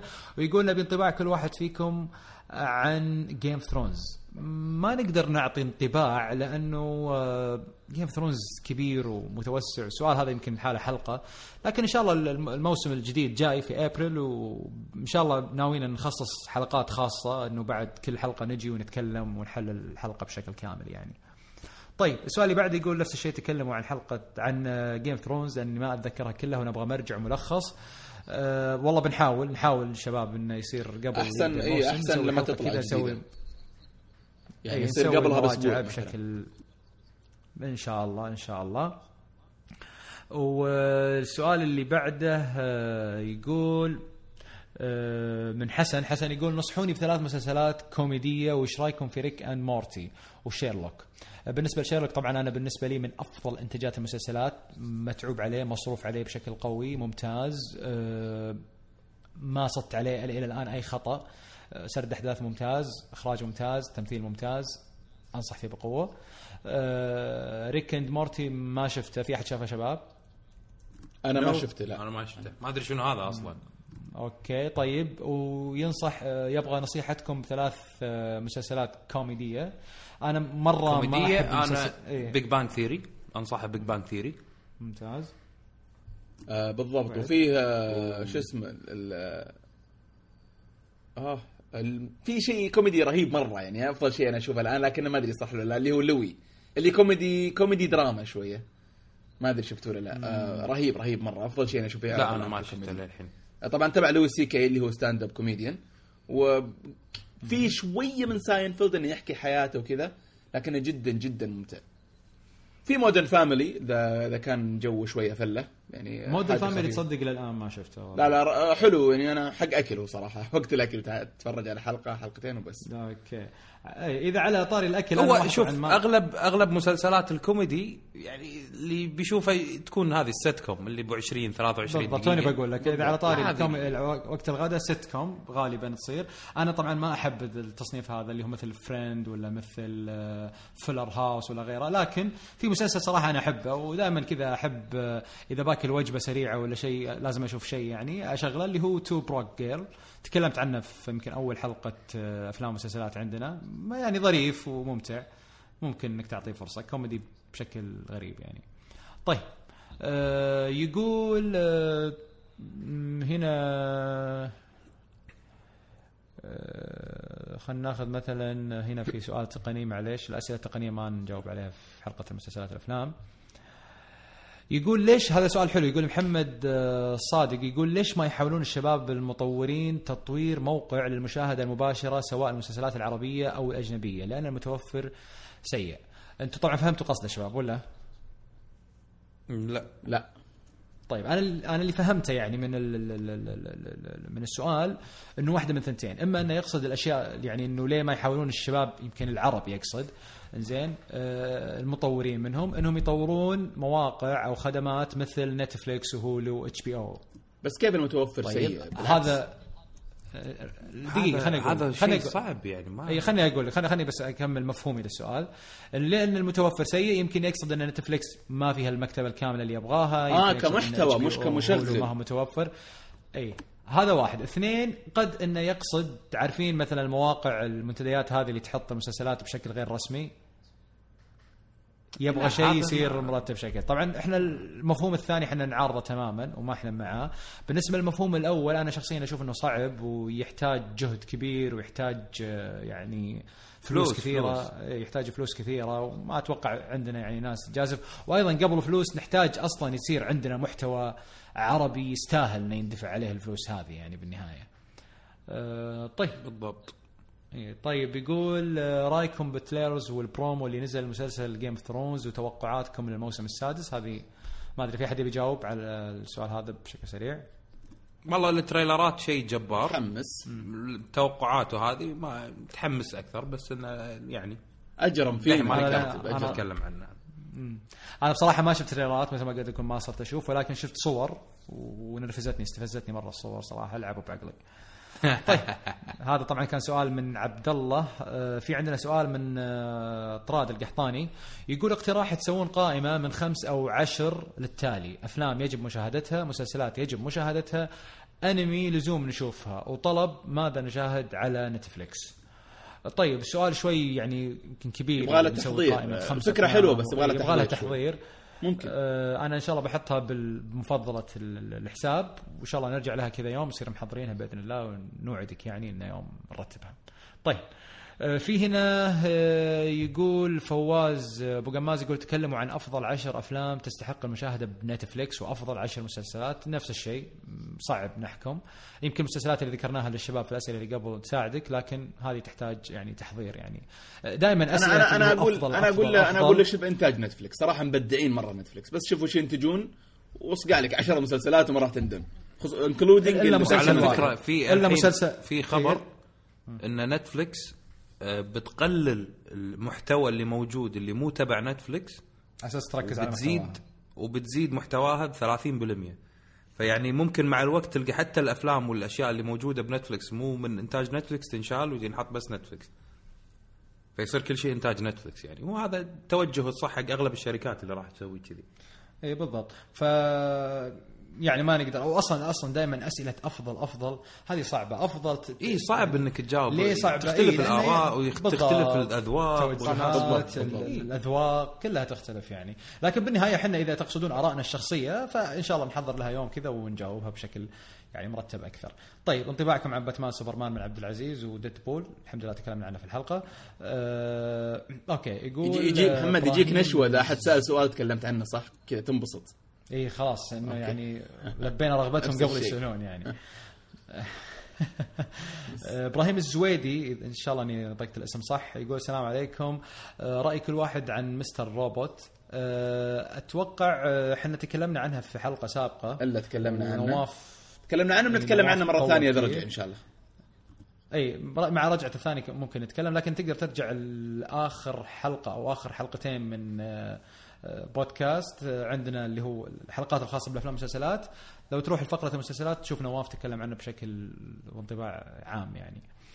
طيب يقول هنا سؤال من مستر سعودي يقول هل ممكن شبكة نتفليكس تقضي على شبكة HBO الأسطورية في قادم السنين خصوصا الأيام الأخيرة؟ نتفليكس تقدم أعمال ممتازة وحصرية ك original يعني. أه ما أدري إيش رأيكم شباب؟ هل تحسون أصلا والله في في بينهم أو في يعني آه، إذا في الإنتاج yes طبعا كمنصة أو ك platform مختلفة شوية. يعني نتفلكس آه، يعني اونلاين وبدأت اونلاين وما هي معروضة على الكيبل أو ما فيها اشتراك مختلف عن الموقع. لكن إذا قصدك كإنتاج أنا أتوقع إيه لأنه عندهم تسارع عجيب في ال quality يعني بدأوا نسبيا متأخرين لكن ما يعني جودة الإنتاج جالسة ترتفع بشكل مخيف. ال HBO طبعا أعرق وقديمين وعندهم مش يعني معروفين بال quality حقتهم من standard معين ما ينزلون عنه لكن صح. ما أستبعد إني يوصلوا لهم ابدا ما أستبعد آه، أنا بو- بالنسبة لي. أشوف أنا آسف قاطعتك لا، لا، لا. ال... يعني هم من اذكى الشبكتين موجودين حاليا اللي دخلوا في عالم الإنترنت TV مثلا خلونا نقول مو التلفزيون ما تلفزيون ف نتفلكس تقضي على شبكة HBO صعبة صعبة. لأن كل واحد له خطة نفس ما قال خالد له خطة ولا أسلوبه ولا طريقته في التقديم فيعني نفس القنوات اللي موجودة عندنا يعني عندنا MBC وعندنا قناة السعودية وعندنا قناة الكويت وعندنا كل واحدة تقدم برامجها والمشاهد هو اللي يختار شنو يشوف. إيه، بالغالب الشبكات اللي زي كذا يعني هي على حسب اللي تقدمه والمواسم. يعني مثلا تجيك فترة تحس إن نتفلكس ماكله الجو بعدين تجيك فترة تحس إن HBO ماكله الجو بعدين تجيك فترة تشوف شبكة لا لا لو أكلت الجو. لو تلاحظ محمد الحين في اختلاف عندهم. يعني مثلا نتفلكس سياستهم إنه ينزل لك الموسم بيوم واحد كل الحلقات كامل مثلا إيه. آه، الشركات الثانية مثلا أو الشبكات الثانية نفس HBO لا. عندي مثلا من شهر 9 لشهر 12 بعدين أوقف وأرجع أبدي مرة ثانية من شهر 2 لشهر 4 ولا في مسلسلات مثلا هذا المسلسل يكون بس بالصيف من شهر 5 أو 4 لشهر 7 أو 8 يعني طبعا في يعتمد في- على جدول القناة يختلف يعني مثلا. في ناس تقول لك. اي والله أنا واحد أبغى المسلسل كامل يجيني وقت ما أفضى كذا بجلسة واحدة خلصة في ناس لا يعني أنا مثلا لا أفضل طريقة HBO مثلا ليه؟ لأني قاعد أقول تخيل Game of Thrones اللي نستناه كل سنة مرة في الشهر يطلع لي إياه مثلا أنواع الحرق. بعدها أنواع الحرق مو سالفة غير أنواع الحرق لا لا ما أتكلم عن أنواع الحرق أنا أقدر أمنع نفسي لكن أتكلم إنه موضوع التشويق اللي يصير يعني أنا دائما أكثر مسلسلين أحب الفترات الزمنية المتباعدة بين الحلقات. ليه؟ آه عفوا وشهم اللي هم Game of Thrones و The Walking Dead مسلسلين مثل هذول يفقدون تقريبا 60% أصلا أو 70% زين من المتعة إذا كانت الحلقات جاهزة عندك. لازم إنك تنتظر أربع خمس أيام. ليه؟ يعطيك فرصة إنك تفكر بالحلقة، إيش صار فيها، توقعاتك، تلميحات اللي طلعت، يعني هذا جزء من المتعة ترى. دائما الحلقات خصوصا المسلسلات متعتها مش في مشاهدة الحلقة بس، لا حتى بتوقع القادم من الأحداث، توقع الشخصيات اللي ممكن تطلع اللي ممكن تروح. اي هذه بس ما راح إيه. ما تصير على كل المسلسلات إلا إذا كان. مسلسل قوي على أنا بالنسبة لي أنا في البداية على بعض المسلسلات مثل ما ذكرت Walking اي أنا أنا بالنسبة لي محمد آه، فكرة ال- الحلقة الأسبوعية آه، لها لذة وفكرة المسلسل كامل في يوم واحد لها, لها لذة. ثانية إي لها فمثلا الحلقة الأسبوعية اللي كل أسبوع اولا تخلي أسبوعك مشغول ما تخليه ممل فمثلا أنت يوم الاثنين منتظر Game of Thrones يوم الثلاثاء منتظر Walking Dead يوم الاربعاء منتظر فالأسبوع عندك مشغول تقدر إن ال- اليوم عندي هالمسلسل بكرة المسلسل اللي بعدها المسلسل عرفت yes، yes. فيكون عندك الأسبوع مشغول تقدر كذي يكون طويل ميزة انه المسلسل أو حلو يعني حتى لما ينزل فيها يوم حلو واحد يعني تقول والله عندي الاثنين شيء عندي الثلاثاء شيء عندي أيوه الأربعاء بالضبط يكون عندك. شيء أنت منتظره الشهر الجاي أو اللي بعده. أو الأسبوع اللي بعده قصدي. آه، ميزة المسلسل ينزل كامل بيوم واحد إنه بوقت ما أنت تبي تشوف تشوف وقت ما اليوم بقعد بخلص القصة كاملة. د- 13 ساعة 14 ساعة بطالع وبس بريح ما أبي أشوف بعدين. فكل واحدة لها متعة لها ذكرتني لها بعصام الشهوان طبعا نوجه له تحية وإن شاء الله يصير يوم من الأيام ضيف عندنا في حلقة آه، الألعاب.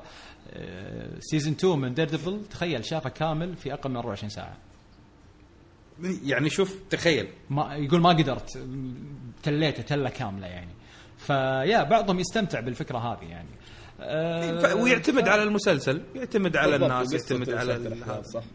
إي طبعا بس عشان نرجع لمحور السؤال نفسه هل نتفلكس تقضي على HBO؟ من وجهة نظري أنا أشوف إن الشبكتين قاعدة تمشي بخط واحد. اللهم نتفلكس مشت خطوة قدام كعادتها دائما تسبق منافسينها بخطوة اللي هي خطوة الدعم العالمي ودعم التراجم ودعم اللغات ودعم السوالف هذه. أيوة بالضبط. ولكن إي ولكن الشبكتين زين عندهم آه، ميزة وسلبية اللي هو يعني نتفليكس إحنا قبل سنة كنا نقول كل أعمالها بلا استثناء قوية وأسطورية، لكن لا الآن بعد ليش؟ لأنها كانت توها داخل السوق كإنتاج وفعلا شادة حيلها ومركزه، ترى الآن لا طلع كم إنتاج. يعني مثلا عندك زي مسلسل لوف مسلسل جدا سيء سيء سيء. لا يمت لاسمه بالصله حتى ومن إنتاج نتفليكس. ما ينشاف للأمانة. وانطباعات يمكن بالنسبة لك يعني في ناس لا لا مو بالنسبة لي لا لا يعني. بشكل عام بشكل لا أنا عام عندي عندي عندي اثنين. شافوا وعندي اثنين شافوا مستانسين أنا قاعد أقول بشكل قاعد إيه، أنا. قاعد أقول بشكل عام بشكل عام ما أتكلم يصير. تعمم قاعد أقول لك في اثنين أنا أقول لك. انطباعات العامة اللي وصلتني لا وصلتني تعمم أقول لك لا تعمم شوف التقييم لا لا يا لا أخي لا تعمم نواف أنا قاعد أتكلم انطباع اللي جاني أخي بشكل 7.9 عام يا يعني حبيبي لا أكثر. أنا هذا من أزبل الأشياء اللي شفتها أصلا بحياتي إيه؟ تخربط أزبل شيء شفته بحياتي مسلسل طب لك، أنا قاعد 7.9 أقول لك. في إم دي بي لا محمد أنا شفتك يعني صار لنا ساعة طيب. قاعد نتكلم طيب، جد صار شباب. لنا ساعة ما ضحكنا فقلت خليني اقزره شوي يعني خلينا شباب شباب سمعتوا سمعتوا إن HBO جاية لل- للمنطقة عن طريق آه، يا بين بين شبكة beIN Sport أو حاجة زي كذا إنها بتجي بشكل لا لا رسمي. Show Time Showtime شروها الحين قناة بشكل كامل قناة صح؟ اسمها يعني Home of هنا HB بشكل رسمي OSN لا لا اس- اسم القناة Home of HBO HBO 221 أو 201 رقمها. already موجودة. إي إي موجودة بس تشغل مسلسلات HBO بس. ما في أفلام يختارونها. شيء. إي إي كله. و Game of Thrones مباشر راح ينعرض ب- بال Showtime وقت ما ينعرض هذا بأمريكا الموسم ينعرض الماضي كان موجود بس كان على. Showtime على بالضبط ونفس هالسنه راح يصير كذي بعد. جميل Interesting. طيب ممتاز. آه، كذا تقريبا خلصنا من كل الأسئلة. باقي الأسئلة تكون إما تقنية آه، ويصير ما نقدر نجاوب عليها بالحلقة هذه أو أسئلة تخص آه، يعني إجاباتها تكون جاوبنا عليها بنص الحلقة وانطباعات تكلمنا عنها. أتمنى أكرر مرة ثانية. بالنسبة للأسئلة دائما تكون مخصصة لعنوان الحلقة. لما نذكر إنه والله بنسجل حلقة للافلام والمسلسلات تكون الحلقة عنها أو للألعاب أو للتقنية أو لغيرها. دائما حاول يكون سؤالك مختص بال بال بال بال بالتصنيف هذا على أساس إن نقدر نجاوبك عليه. آه، شباب في أحد أول شيء عنده أي إضافة أو أي شيء قبل نختم؟ أنا ما عندي إضافة طيب ممتاز أنا سلامتكم ما عندي شيء ممتاز ممتاز. طيب كذا يصير حنا خلصنا حلقتنا هذا اليوم. آه ما ننسى يا حلوين يا شطار يا جميلين يا رهيبين يا كل شيء بالحياة. نقيم الحلقة في آيتونز. شيء جدا جدا جدا جدا جدا جدا مهم لنا. آه عجبتك الحلقة؟ قيمنا. آه ما عجبتك الحلقة؟ برضو قيمنا. حط التقييم اللي تشوفه منصف لكل حلقة تسمعها. مرة يعني يعطينا feedback كويس. نقدر نحسن عن طريقه وناخذ انطباع بشكل عام عن طريقه ونعرف إيش اللي نغيره وإيش اللي ما نغيره. لازم لا تنسى تتابع حسابات Shuffle بشكل عام كلها. عندنا حسابات متنوعة من Shuffle Cast اللي هو الحساب الرسمي لل طبعا كل الحسابات في تويتر هو الحساب الرسمي للبودكاست. أيضا عندنا Shuffle App آه، نوجه تحية طبعا لهشام اللي ماسك الحساب. آه، يقدم أكثر من ثلاث وأربع تطبيقات آه، يومية في الحساب. يومية منها مخفض آه. على اللي في تطبيقات مخفض عليها وتلحق عليها أو الأبديت أو اي فهشام مسوي جدا شغل جدا جدا حلو للأمانة. الله يعطيه العافية. عندنا حسابات برضو ما هي مفعلة يمكن بشكل كبير يعني مو غصب تتابعونها لكن نحب الدعم اللي يجي من عن طريقكم. عندنا حسابات Shuffle Tech الخاصة بالتقنية عندنا Shuffle Game الخاصة بأخبار الألعاب وتخفيضات الألعاب وكل اللي يخص الألعاب الفيديو عندنا Shuffle Sport آه، للرياضة وعندنا Shuffle Food وعندنا Shuffle Scene. للافلام والمسلسلات والأنمي طبعا. وكل هذه ال- ال- ال- الحسابات قابلة في حال إنك تودك إنك تشوف نفسك شاطر في أحد التصنيفات هذه سواء مثلا Shuffle Food للاكل أو Shuffle Sport للرياضه وغيرها إنك تقدم. آه، تمنشني أنا ولا تمنشن آه، أبو ميار أو نواف وتقول إذا مثلا عندك خبرة في أحد المجالات وودك إنك تمسكها ودك تمسك الحساب ودك إنك تفعله. آه، بالعكس إحنا نرحب بالفكرة هذه ويعني نتشرف. يعني نفرح كلنا لو لقينا أحد مناسب يمسك أحد الحسابات هذه. أه بس كذا يصير أه خلصنا. يعطيكم ألف ألف ألف عافية يا شباب. إن شاء الله تكون حلقة ممتعة للجميع. نشوفكم في الحلقة 13 من شوف الكاست